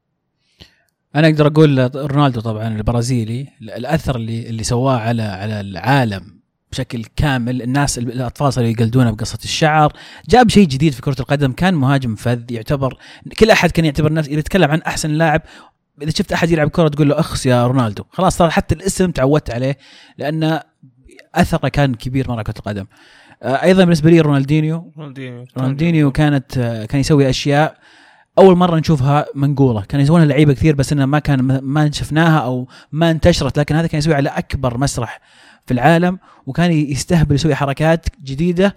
أيضا أشوف إنه أعطى تغيير لكرة القدم. سوى تغيير لمركز الجناح بالنسبة لي. أنا من وجهة نظري لأن كان مهمة الجناح إنه يركض على الطرف ويعرض للمهاجم. صح. يركض على الطرف يعوض خاصة في الكرة الإنجليزية. صح. آه بعدين جاء رونالدينيو آه صار صار مو بس يعرض صار. يدخل يهدف يسحب يقلب وصار مهاجم مو بس جناح صانع لعب. آه قديما نقدر نقول بيكنباور أتوقع سوى مركز الليبرو هذا مركز يعني فعلا. عرف باسمه وأيضا آه، نوير في حراسه المرمى لا لا لا لا، لا. في في مرحله ما لا واحد. يقدر ليش؟ يا لا. لا, لا, لا, لا, لما- لا ولا بوفون لا هذا الشيء كل حراس يسوونه لكن تسلط الضوء على نوير لأنه من تالي فقط لا لا مو بلنا من تالي معليش آه نوير في في فترات كثيرة من المباراة تلقاه آخر مدافع مو بس حارس sweeper لأنه يعني. يدخل إيه sweeper sweeper keeper يسمونه. آه اللاعب الحارس اللي اللي يتقدم يقطع الكورة يتقدم يصنع اللعب من ورا عادي تلقاه ماسك الكورة خارج المنطقة يروح يوزع اللعب. طب ما مشكلة. كان يسوي كذا قبله؟ مو يمكن بنفس لا، لا. المستوى بس فالديز كان يقوم بالأدوار هذه إلا كيف لا كان يسوي فيها قبل ما حتى نوير يروح البايرن ميونخ يا أخي. لا لا keeper مو هو فالديز مخترع نوير ترى. فالديز ما اخترعه طوره. فالديز كان كان لاعب آه، حارس يصنع لعب. يعني ترى فاندر سار أيوة. فاندر سار كان يصنع لعب. فاندر سار يسوي اسيستات وهو حارس.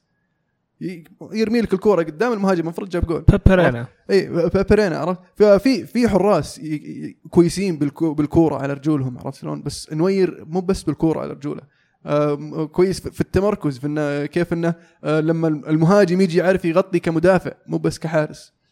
انه لما كويس كلاعب يقدر يلعب كلاعب خط وسط ولا دفاع حتى نوير. اشوفه إذا في غياب لاعب ثاني قد إنه ينجح في هذا المركز.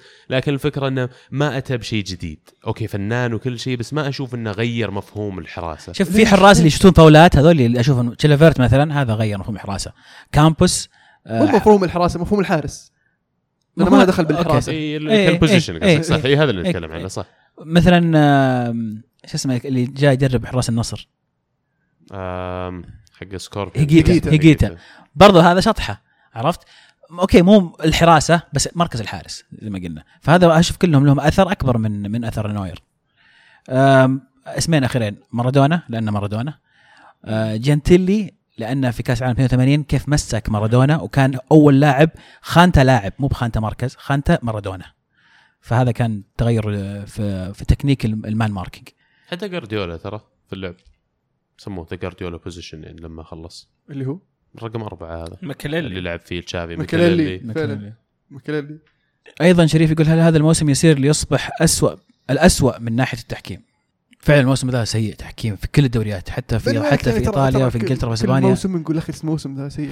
okay الموسم ذا مستمر على على الترند ذا على ما يبدو يعني. ما الوضع سيء جدا.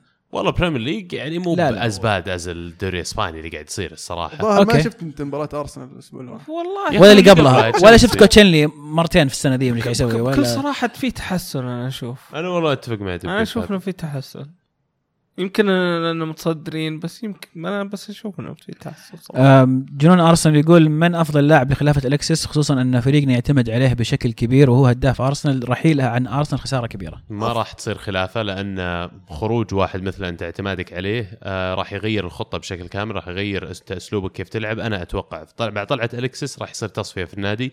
أتمنى نحتفظ بأوزيل أتمنى أن أوزيل يكون القطعة اللي نحتفظ فيها من ال system الحالي يمكن خمس ست لاعبين غيره وحان الوقت بناء فريق جديد لأن مع كامل احترامي أليكسيس كل مرة تجيك الكورة لازم أنت تسوي ال pass الأخير لازم أنت اللي تشوت على المرمى لازم أنت اللي تسجل وكثير مرات تقتل اللعب. أنا ما أبغاك في النادي النادي ما يوقف عليك.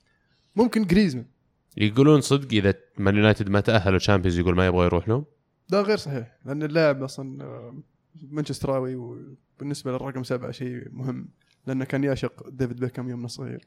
فيعني الموضوع أعمق من ال Champions عاد الأسبوع الماضي قاعد أقرأ له تصريح ارسن فينجر يقول إن ترى موضوع الأرقام بالنسبة للاعبين مهم أكثر مما تتوقعون يا جمهور يقول فعلاً. ترى تصير أنواع الأفلام والمشاكل أنتم ما تدرون عنها عشان الرقم الفلاني أنا أبي الرقم الفلاني فلان طلع أبي رقمه ف تصير فعلا. رقم سبعة آه. ممكن هو الشيء اللي في الأخير يجيبه ونفس سالفة مارتيال ورقم تسعة يوم سحبها مورينيو هذه كانت بدايه بداية ال- ال- ال- تعكير ال- ال- العلاقة بين وتفضيل اللاعب لاعب. على لاعب إيه. وحتى ما شاوره. يعني يوم رجع من الإجازة قال ترى رقمك 11 أتوقع هو اكتشف أن رقم زلتان صار تسعة يوم رفع التيشيرت. وطلع كبير عليه. بس إيش السالفة يا شباب؟ آه، موسيقار زمان يقول ما رأيكم في ما رأيكم بتوني كروس وكمية أسيستات اللي عنده أتمنى هذا اللاعب مع مانشستر يونايتد بجانب بوجبا. والله فان خال ما كان يبي يجيبه يعني فما أتوقع أنه بنجيبه. ولا هو لاعب هين فنان. ولو انه لو انه فعلا جبناه كان نحل كثير من مشكلة الوسط. فعلا. أنا أشوف أحد أفضل اللعيبه في خط الوسط الآن في العالم. لوفي يقول هل تتفقون معي إن الدوريات الثلاثة الكبار حسمت خلاص؟ تشيلسي يوفي بايرن. استثنيت الدوري الأسباني لأن الأمور مو باينة مرة للبطل. ما أشوف إنها مباينه يعني ريال مدريد متصدر ولسه ناقص مباراتين. فشو وش فأنت المباين؟ قاعد تقول الأربعة كلهم. إيه. حسمت الاربع دوريات. منتهي. في أحد حتى يختلف؟ حتى الدوري الفرنسي موناكو. لسه بدري يا عيال. الدوري الفرنسي موناكو. قايل من زمان. يعني كم فرق النقاط؟ حاليا ثلاث نقاط. خسارة واحدة تتغير يتغير كل شيء. ما عليك أرعن انت. مستعجل على طول. فاز خلص. الدوريات يقول. البقية كلها منتهية صح؟ أنا أشوف. لا، لا، مو منتهية مو منتهية لكن. يعني حسمت إلى. حد كبير؟ 85% ممكن نقدر نقول. ايطاليا خلصت السالفة من الحين. سبع نقاط. الألماني خلصت السالفة. ال Premier League كمان 99% خلصت. ألا لو تشيلسي والله فجأة كذا الثلاث لاعبين ماتوا عندكم وصار فيلم وطاح طيارة يعني ما أدري بس ما أتوقع إن هذا الشيء بيصير يعني. الله يستر. والدوري الإسباني الشيء الوحيد اللي يخلي الناس يمكن يقولون إنه ما انحسم إنه ما تدري إيش يصير في المباريات المؤجلة. يعني يمكن هذا وجهة نظرهم إن هذه المباريات المؤجلة يمكن إنك ما تفوز فيها يمكن تخسر فيها ف لكن ما أتفق. صديقنا الليفربول يعود باسم جديد. جسمي ينفجر لليفربول. يقول توقعاتكم لمركاتو ليفربول الصيف الجاي هل بنجيب لاعبين زي العالم والناس ولا بيستمر كلوب بعدم صرف الفلوس؟ وضع الليفر زي وضعي السنة اللي فاتت. وأنا قاعد أقول ظهير أيسر ظهير أيسر. لازم يجيبون ظهير أيسر. طب طيب، صدق صدق الموضوع كلوب ما. يبي يصرف؟ أنا سمعت تصريح انه مو تصريح أحد كان يتكلم في تويتر إنه كلوب يفضل إنه يجيب لاعب صغير ويخليه يبرز عشان يقولون إنه هو اللي خلاه يطلع ويصير فنان على إنه يروح يصرف يشتري لا. مو هو- مو هو- بكذا هو كمدرب يفضل إن ال- ال- يجيب يختار اللاعب الصح إيه إنه يجيب اللاعب اللي يمشي معه كذا. واللاعب اللي آه، يتوقع إنه راح يفيد الفريق أكثر في المستقبل بدل ما يروح يصرف على أي أحد فإذا أصلا تأهل آه، ليفربول للتشامبيونز ليج أتوقع إنه راح نشوف أسماء راح نشوف صفقات آه لكن إذا ما تأهل للشامبيونز ليج ممكن يستمر على نفس الحال. أنا ما أتوقع راح تشوف أسماء كثيرة وصفقات كبيرة خلينا نقول. آه، اسم أحت- واحد. أحترم. إي أنا أحترم اللي قاله عمر فعلا تو إنه ما راح يصرف لأجل الصرف ما راح يصرف لأن عندي فلوس وأنا أبغى لاعب بجيب أي أحد. إذا توفر اللاعب المناسب بالقيمة المناسبة ولا ما أتصو... يعني لا تتوقعون يا جماهير ليفربول إنه راح يروح ويحاول يجيب جريزمان. لا تتوقع إنه راح يحاول يروح يجيب أوباميانج. راح يجيب لك لاعب يمكن ما راح أقول لك مغمور لكن يلعب في نادي أقل من ليفربول. عشان يبرزه وعشان فعلا يستفيد من آه إنه كان affordable زي لما جاء سواريز يعني. سواريز جاء من اياكس وترى كان أرخص من كارول yes كارول بالنسبة كانت ترى كانت هو الصفقة اللي الموقع الكبيرة، إيه. اي لأن جبناه واحد هداف الدوري الإنجليزي ولاعب إنجليزي ب 35 مليون؟ وسواريز ب 16 اي وسواريز معه. سعد يقول ما هو الحل مع المهاجمين؟ أصبحت دولتنا تعاني من قلة المهاجمين بشكل مجنون. هل لازم الاتحاد السعودي يفرض إنه يلغي المهاجم الأجنبي؟ لا مو بيلغي المهاجم الأجنبي. أنا من أول دائما أعيد الكلام. هذا ليش عندنا في الدوري السعودي أربع أجانب؟ كثير يا أخي. آه انت بتظلم تطور اللاعبين السعوديين لأن الآن تشوف النتيجة إن جميع الدوري جايبين لهم مهاجمين أجانب. ما هو إذا صار عندك أنت في النادي مسموح لك بس لاعبين أجانب استفدت من إن اللاعبين يحتكون معاهم يستفيدون من خبرتهم وفي نفس الوقت المراكز اللي حازوا عليها مو بكثير. وكمان عليها لو غاب واحد من الأجانب لإصابة أو غيره عطى فرصة للاعب السعودي حاليا اللي قاعدين نشوفه إنه يجيبون اثنين مهاجمين أجانب يلعب واحد أساسي إذا أصيب دخل الثاني. طيب بالنتيجة صار عندك الحين قاعد يعني معليش بس أعيد كلام المهند قبل إنه آه، يرتكز على اللاعبين. زي نايف هزازي خلينا نقول مستهلك في النادي ومو قاعد يلعب عشان يلعبه في المنتخب لأن ما في خيار آخر. وفي بعض الأندية برضو تجمع لك المهاجمين عندهم يلعبون مهاجم واحد. آه فيعني لاعب ما تستفيد منه مو بقاعد يلعب. خله يروح النادي يعني ممكن يستفيد منه. النادي يلعب أساسي معهم يتطور اللاعب يفيد المنتخب. بس ليش المشكلة؟ إذا نقصنا عدد الأجانب وصار أجنبي واحد مثلا مسموح للأندية السعودية بيجيبوا المهاجم. معليش واحد ولا أربعة. لا بس أنا مثلا يعني يبقى كل نادي كبير عنده مه... أو كل أندية عندها مهاجم أجنبي. ما بس برضو ما لازم يصير عندك مهاجم محلي مهاجمين محليين. طب مين الأندية الحين اللي عندها أكثر من مهاجم أجنبي أصلا؟ الهلال بس. الهلال. الأهلي ما عندهم؟ لا الأهلي المهاجم الثاني مهند عسير. بس الفكرة نرجع موضوع إن أربعة كثير ما أتوقع موضوع مشكلة الخانة. راح يتوفر لك. صدقني في نادي من الأندية بيصير عنده مهاجم كويس بيجيب في مركز ثاني. في نادي عنده مشكلة في الدفاع في نادي عنده مشكلة في الوسط. لما تقلل عدد اللاعبين الأجانب يمكن الشيء السلبي يصير على آسيا مشاركات الآسيوية إنه يصير الأندية خلينا نقول اللي تلعب من هناك عندها أجانب أكبر. لكن أنت إذا طورت الرياضة بالشكل هذا يا أخي السعودي حاله حال الاجنبي يا أخي. إذا أنت استثمرت فيه وطورته المفروض إنك تروح تاخذ آسيا يا أخي بلاعبين سعوديين. ليش لا؟ والمنتخب السعودي نذكر فاز كثير يا أخي بكاس اسيا فمعناته إن اللاعب السعودي عنده الإمكانيات إنه فعلا يتفوق اسيويا ومو محتاج الاجانب هذول. آه عموما أخ سعد صعب إن الاتحاد السعودي يفرض زي هذا القرار لأنك مستحيل تحدد تقول ما تجيبون مهاجم لأنها ما في خط ما في. خط واضح يحدد لك إيه الحارس. سهل. إيه. ما في خط واضح يقول لك هذا مهاجم. مثلا أنا أقدر أجيب إدواردو والعبه مهاجم بدك تحاسب سجل وسط صعب. لعب مهاجم. إيه. عرفت؟ فصعب إنك تحددها بالضبط. لكن آه، ممكن يكون حل تنقيس عدد الأجانب. آه، بدر يقول يا جماعة وش صاير بليستر سيتي؟ هل هو تشبع ولا اللاعبين رجعوا لمستواهم الطبيعي؟ لأن الموسم اللي فات كانوا يعطون 200% بالملعب. أنا ما أشوف إنهم رجعوا لمستواهم الطبيعي لأن مستواهم أصلا أفضل من كذا برضو. أه، فأتوقع اللي قاعد يصير إن ال- ال- ال- اللعيبة نفسهم ما عاد صار عندهم شيء يبغون يقدمونه. فهذا اللي حتى قاعد نشوفه بداية الموسم لما يلعبون في الشامبيونز يلعبون بطريقة أفضل. لأن يبغون يبغون يسوون شيء في الشامبيونز. في الدوري أه، خلاص فزنا بالدوري وش ما تفرق وهذا اللي أكد عليه تصريح حارسهم كاسبر شمايكل اللي تكلم قال إنه ما ينفع إن اللاعبين يتعاملون مع المباريات بالطريقة هذه لازم ينزلون كل مباراة وعندهم نفس الجوع حق الموسم الماضي إنهم يحققون دوري وقدروا يحققونه. الموسم هذا يقول فيه تراخي وتخاذل من اللاعبين. صعب إنك. تخلق هذا الجوع أصلا سنة بعد سنة بعد سنة. يعني هذا الشيء كثير ناس يروح عن بالهم. يعني الحين لما أحد الأشياء الصعبة اللي في اليوفي الآن إنك تحمس اللعيبة اللي هذا اللاعب الفايز في الدوري خمس مرات ورا بعض تخليه يتحمس يفوز مرة سادسة. مو بشيء سهل أبد. فعلا لأن ال- الأصعب من إنك توصل للقمة إنك تقعد في القمة. صحيح صحيح. ال- ال- المحافظة هذا اللي قاعدين. يكتشفونه ليستر الآن. وبعدين آه، رانييري يعني في في لعيبة يا أخي مو قاعدين يأدون ليش ليش ما زلت تلعبهم؟ زي فاردي يا أخي مو قاعد يسوي شيء. فخل سليماني يلعب مهاجم خله أساسي مهاجم والعب وراه. آه، آه، صانع لعب ولا تقعد تلعب مهاجمين مثلا. محرز مستواه ما هو نفس اللاعب شفناه الموسم الماضي لاعب مختلف تماما. يعني. درجة مخيفة كيف اللاعب ممكن يتغير بهالشكل. آه وأيضا نرجع نقول كانتي. غياب كانتي ترى أثر كثير. ما هو بالسبب الرئيسي لكن أحد الأسباب المهمة جدا. وشوف الحين متصدر الدوري للحين. سعد يقول أعطونا ثلاث مستحيلات في عالم كرة القدم. بالنسبة لي واحد أرسنال ياخذ الأبطال. اثنين نادي يتعدى مدريد في عدد الأبطال. ثلاثة شلوب ياخذ كرت أحمر.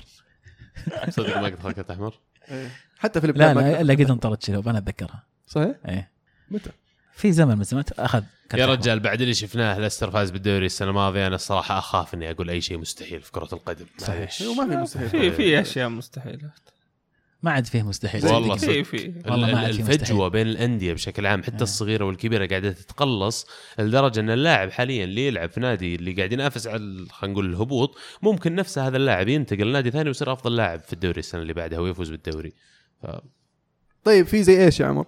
شاركنا لا توزيها علمنا هو في أشياء من اللي ذكرت يعني مو يعني طبيعي تكون مستحيلة يعني مثلاً. زي- نفوز؟ بالشامبيونز تقولها إن أرسنال يفوز بالشامبيونز بس أنا خلاص خلص تعليق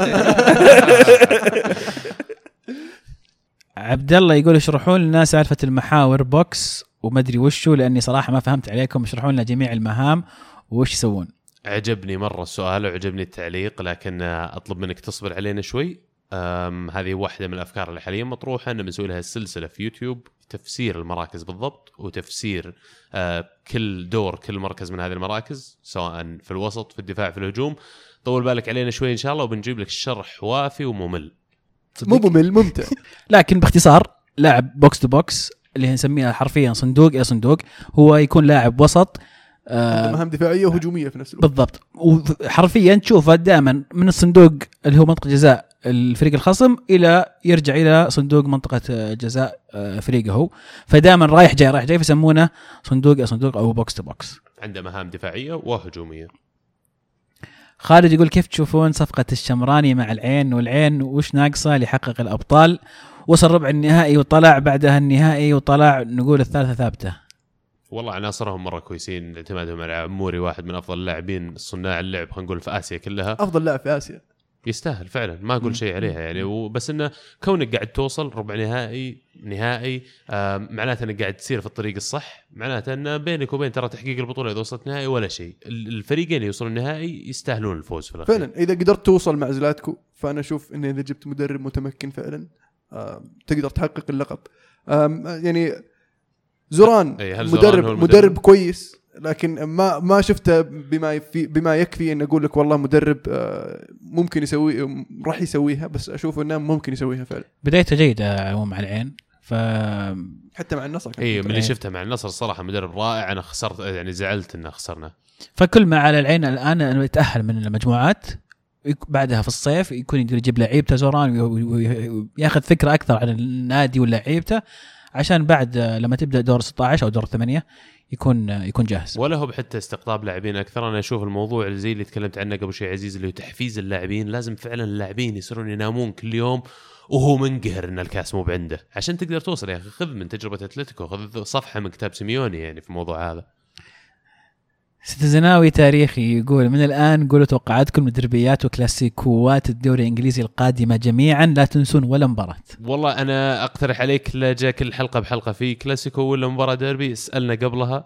فعلا لأن لأن صعبة إنك صح. تحكم لكل مباراة يحك يعني يحكمها ظروفها عرفت؟ الإصابات ال- ال- المعنويات اللعيبة الظروف اللي مر فيها قبل الظروف اللي ممكن يمرون فيها. فما ما تدري ما أقدر أقول لك والله مباراتنا مع أرسنال في الجولة اللي قبل الأخيرة من بيفوز ما تدري. صح. spoilers بعدين خرب عليك. تشيلسي مانشستر يونايتد بيلعبون قريب صح؟ آه يونايتد ما له مباراة في ليفربول الدوري. إلا في March خلاص. ليفربول. ارسنال لأن الجولة الجاية المفروض ليفربول ارسنال يلعب مع ساوثهامبتون لكن ساوثهامبتون راح يلعب النهائي مع مانشستر يونايتد ويونايتد المفروض يلعب مع سيتي لكن تأجلت برضو لأن اليونايتد يلعب في النهائي فالأسبوع اللي بعده يكون ليفربول ارسنال وممكن خلال أسبوعين بيتغير كثير بيبين مع جولة الشامبيونز وبيبين مع التغييرات خلينا نقول ثبات ليفربول ولا غير على التشكيلة. نحكيكم عنها إن شاء الله الأسبوع الجاي واللي بعده. عبد الله يقول كلوب عنده قدرة مالية يشتري لاعبين مهمين لكنه ما يشتري يحاول يبرز لاعب متوسط عشان يقولون عنه مدرب wow. وكله على حساب الفريق. لا ما أتوقع ذلك. لأنه هو مدرب متمكن مدرب فاهم. وما يبغى يشتري أي لاعب ما يبغى يدفع برضو زي ما قال عمر عشان عشان يدفع. يبغى اللاعب اللي ينفع ينفعه اللاعب اللي يفيده بطريقة لعبه واللاعب اللي يشوف إنه راح يكون آه، كويس. آه، زي زي فينالدوم يا أخي. فينالدوم لاعب ممتاز لاعب رائع. لكن هل تعتبره اللاعب ال marquee signing اللاعب اللي الأسم اللاعب الخالع؟ لا. بس إنه شوف إيش قاعد يسوي في الملعب. يحرث الملعب حرث جاب لك واحد يحسن الفريق. إيه. آه لكن الموضوع اللي بيلعب بي يعني بيلعب في خارج صالح آه كلوب أو بيلعب ضد كلوب إن كمية ال talent اللي كانت موجودة عنده في ألمانيا آه لما كان يدرب دورتموند فعلا تسمح له إنه يسوي الاسلوب هذا ويطور ناس من الأكاديمية. لكن في England مستوى خلينا نقول المنافسة على الاستقطاب المهارات الصغار بالذات مرتفع جدا. تشوف لاعبين أصلا كثير ترى يختارون يوقعون مع أندية في الشامبيونشيب ولا يوقعون مع الأندية الكبيرة. ليش؟ عشان عنده فرو- ف- فرص أكبر في البروز. فراح يد- اختلاف الديناميكية في العمل بين الدوري الألماني والإنجليزي آه، هي اللي بنشوف هي المحك لكلوب. بعدين فعلا أكاديمية ليفربول ترى من أفضل الأكاديميات في الد- في الدوري الإنجليزي في إنجلترا بشكل عام. آه ف ما ما ما أتوقع إنه راح يعاني كثير في استخراج مواهب. يعني شفنا كم لاعب زي آه الظهير يسار اللي لعب ضد اليونايتد. ما أعرف شو اسمه واحد عمره 18 سنة 19 سنة بس أدى أداء يعني تقول كنا عنده الخبرة ال- الكافيه انه يلعب في مباراة زي زي ال- ال- الديربي آه، بين ليفربول ومانشستر يونايتد. ف عندها الإمكانيات وأشوف انه عندها الخبرة في التعامل مع اللعيبة الشباب وحتى لو ما جاب اللاعب اللي هو يعني الجريزمان مثلا ولا أوباميانج راح راح يلقى اللاعب اللي آه، يخليه جريزمان أو أوباميانج. لوكا يقول مبروك عزيز على خروجي اللي ما يتسماش. الله يبارك فيك وعقبال كل عاهات فرقكم يا شباب. إلا في الليني. لا يا أخي. عشان ننبسط يا أخي مرة متعة حرام عليك. يعني يوم قلت بالي أنا عارف. آه، ناصر يقول متى نبدأ باعتبار السيتي ضمن الأربعة الكبار في البريمير ليج؟ بعيدا عن المستوى والأداء المقصد هو كنفوذ. من وجهة نظري بعد تحقيق الأبطال. لا ما أشوف إن الأبطال هي هي الشيء ال- ال- الأساسي. بالنسبة لي الاستمرارية. إي بالضبط. لأن تشيلسي في فترة قاعد عشر سنين من جاء شو اسمه أبراموفيتش على ما فاز ال Champions League. لكن في ال- بالاستمرارية اللي سواها قدر يثبت نفسه من ضمن من ضمن الأربعة الكبار منافساته في ال Champions League. صح إنه ما كان يفوز لكنه وصل ثلاث نهائيات Champions League. ثلاثة؟ اثنين. نهائيين. فيعني كان كان يوصل كان ينافس. بس السيتي حاليا لازم يحافظ على الاستمرارية. هو صح. وغير ذلك لازم تحقيق برضو الألقاب عمار آه، يقول لعب زيدان بخطة 3 5 2 رغم إنها تحد من قوة الفريق زائد عدم إشراك مراته واعطاء الفرصة له في ظل تنازل مستوى بنزيما. آه، مصعب أيضا يقول يبدو لي أن أوزيل وسانشيز غير مرتاحين في أرسنال، اللاعبين قربوا من الثلاثين ولحد الآن ما عندهم إلا دوري واحد وبدون أبطال. أي دوري واحد بس مع قبل مع أنديتهم قبل آه. إيه بس آه، أوزيل وسانشيز صعب يعيشون في نفس الفريق. إذا كان سانشيز راح يلعب بشكل آه، خلينا نقول سنترال بيلعب كال focal point حق الفريق. لأن عاده آم، أوزيل يستمتع باللعب إنه عنده واحد يفتح قدام يتقدم ما يس ما ينفع يلعب مع واحد يمسك الكورة كل ما جته فضروري رحيل واحد منهم. أنا أتمنى الصراحة إن سانشيز يطلع لأن بيجيب لنا 60 70 مليون. ممكن نرجع نستثمرها في الفريق. عبد الرحمن يقول سؤال لعزيز ندمان على كونتي. بالعكس ابدا من ندمان على كونتي. لأن زي ما قلت كونتي وصل معنا إلى شوف أقصى شيء ممكن يقدمه نقل الفريق من ألف إلى باء. آه، تكثر كثرت الأغلاط في ال Champions League كان يخسر من فرق زي جالت سراي. ما كان عنده قدرة ممتازة في التدوير.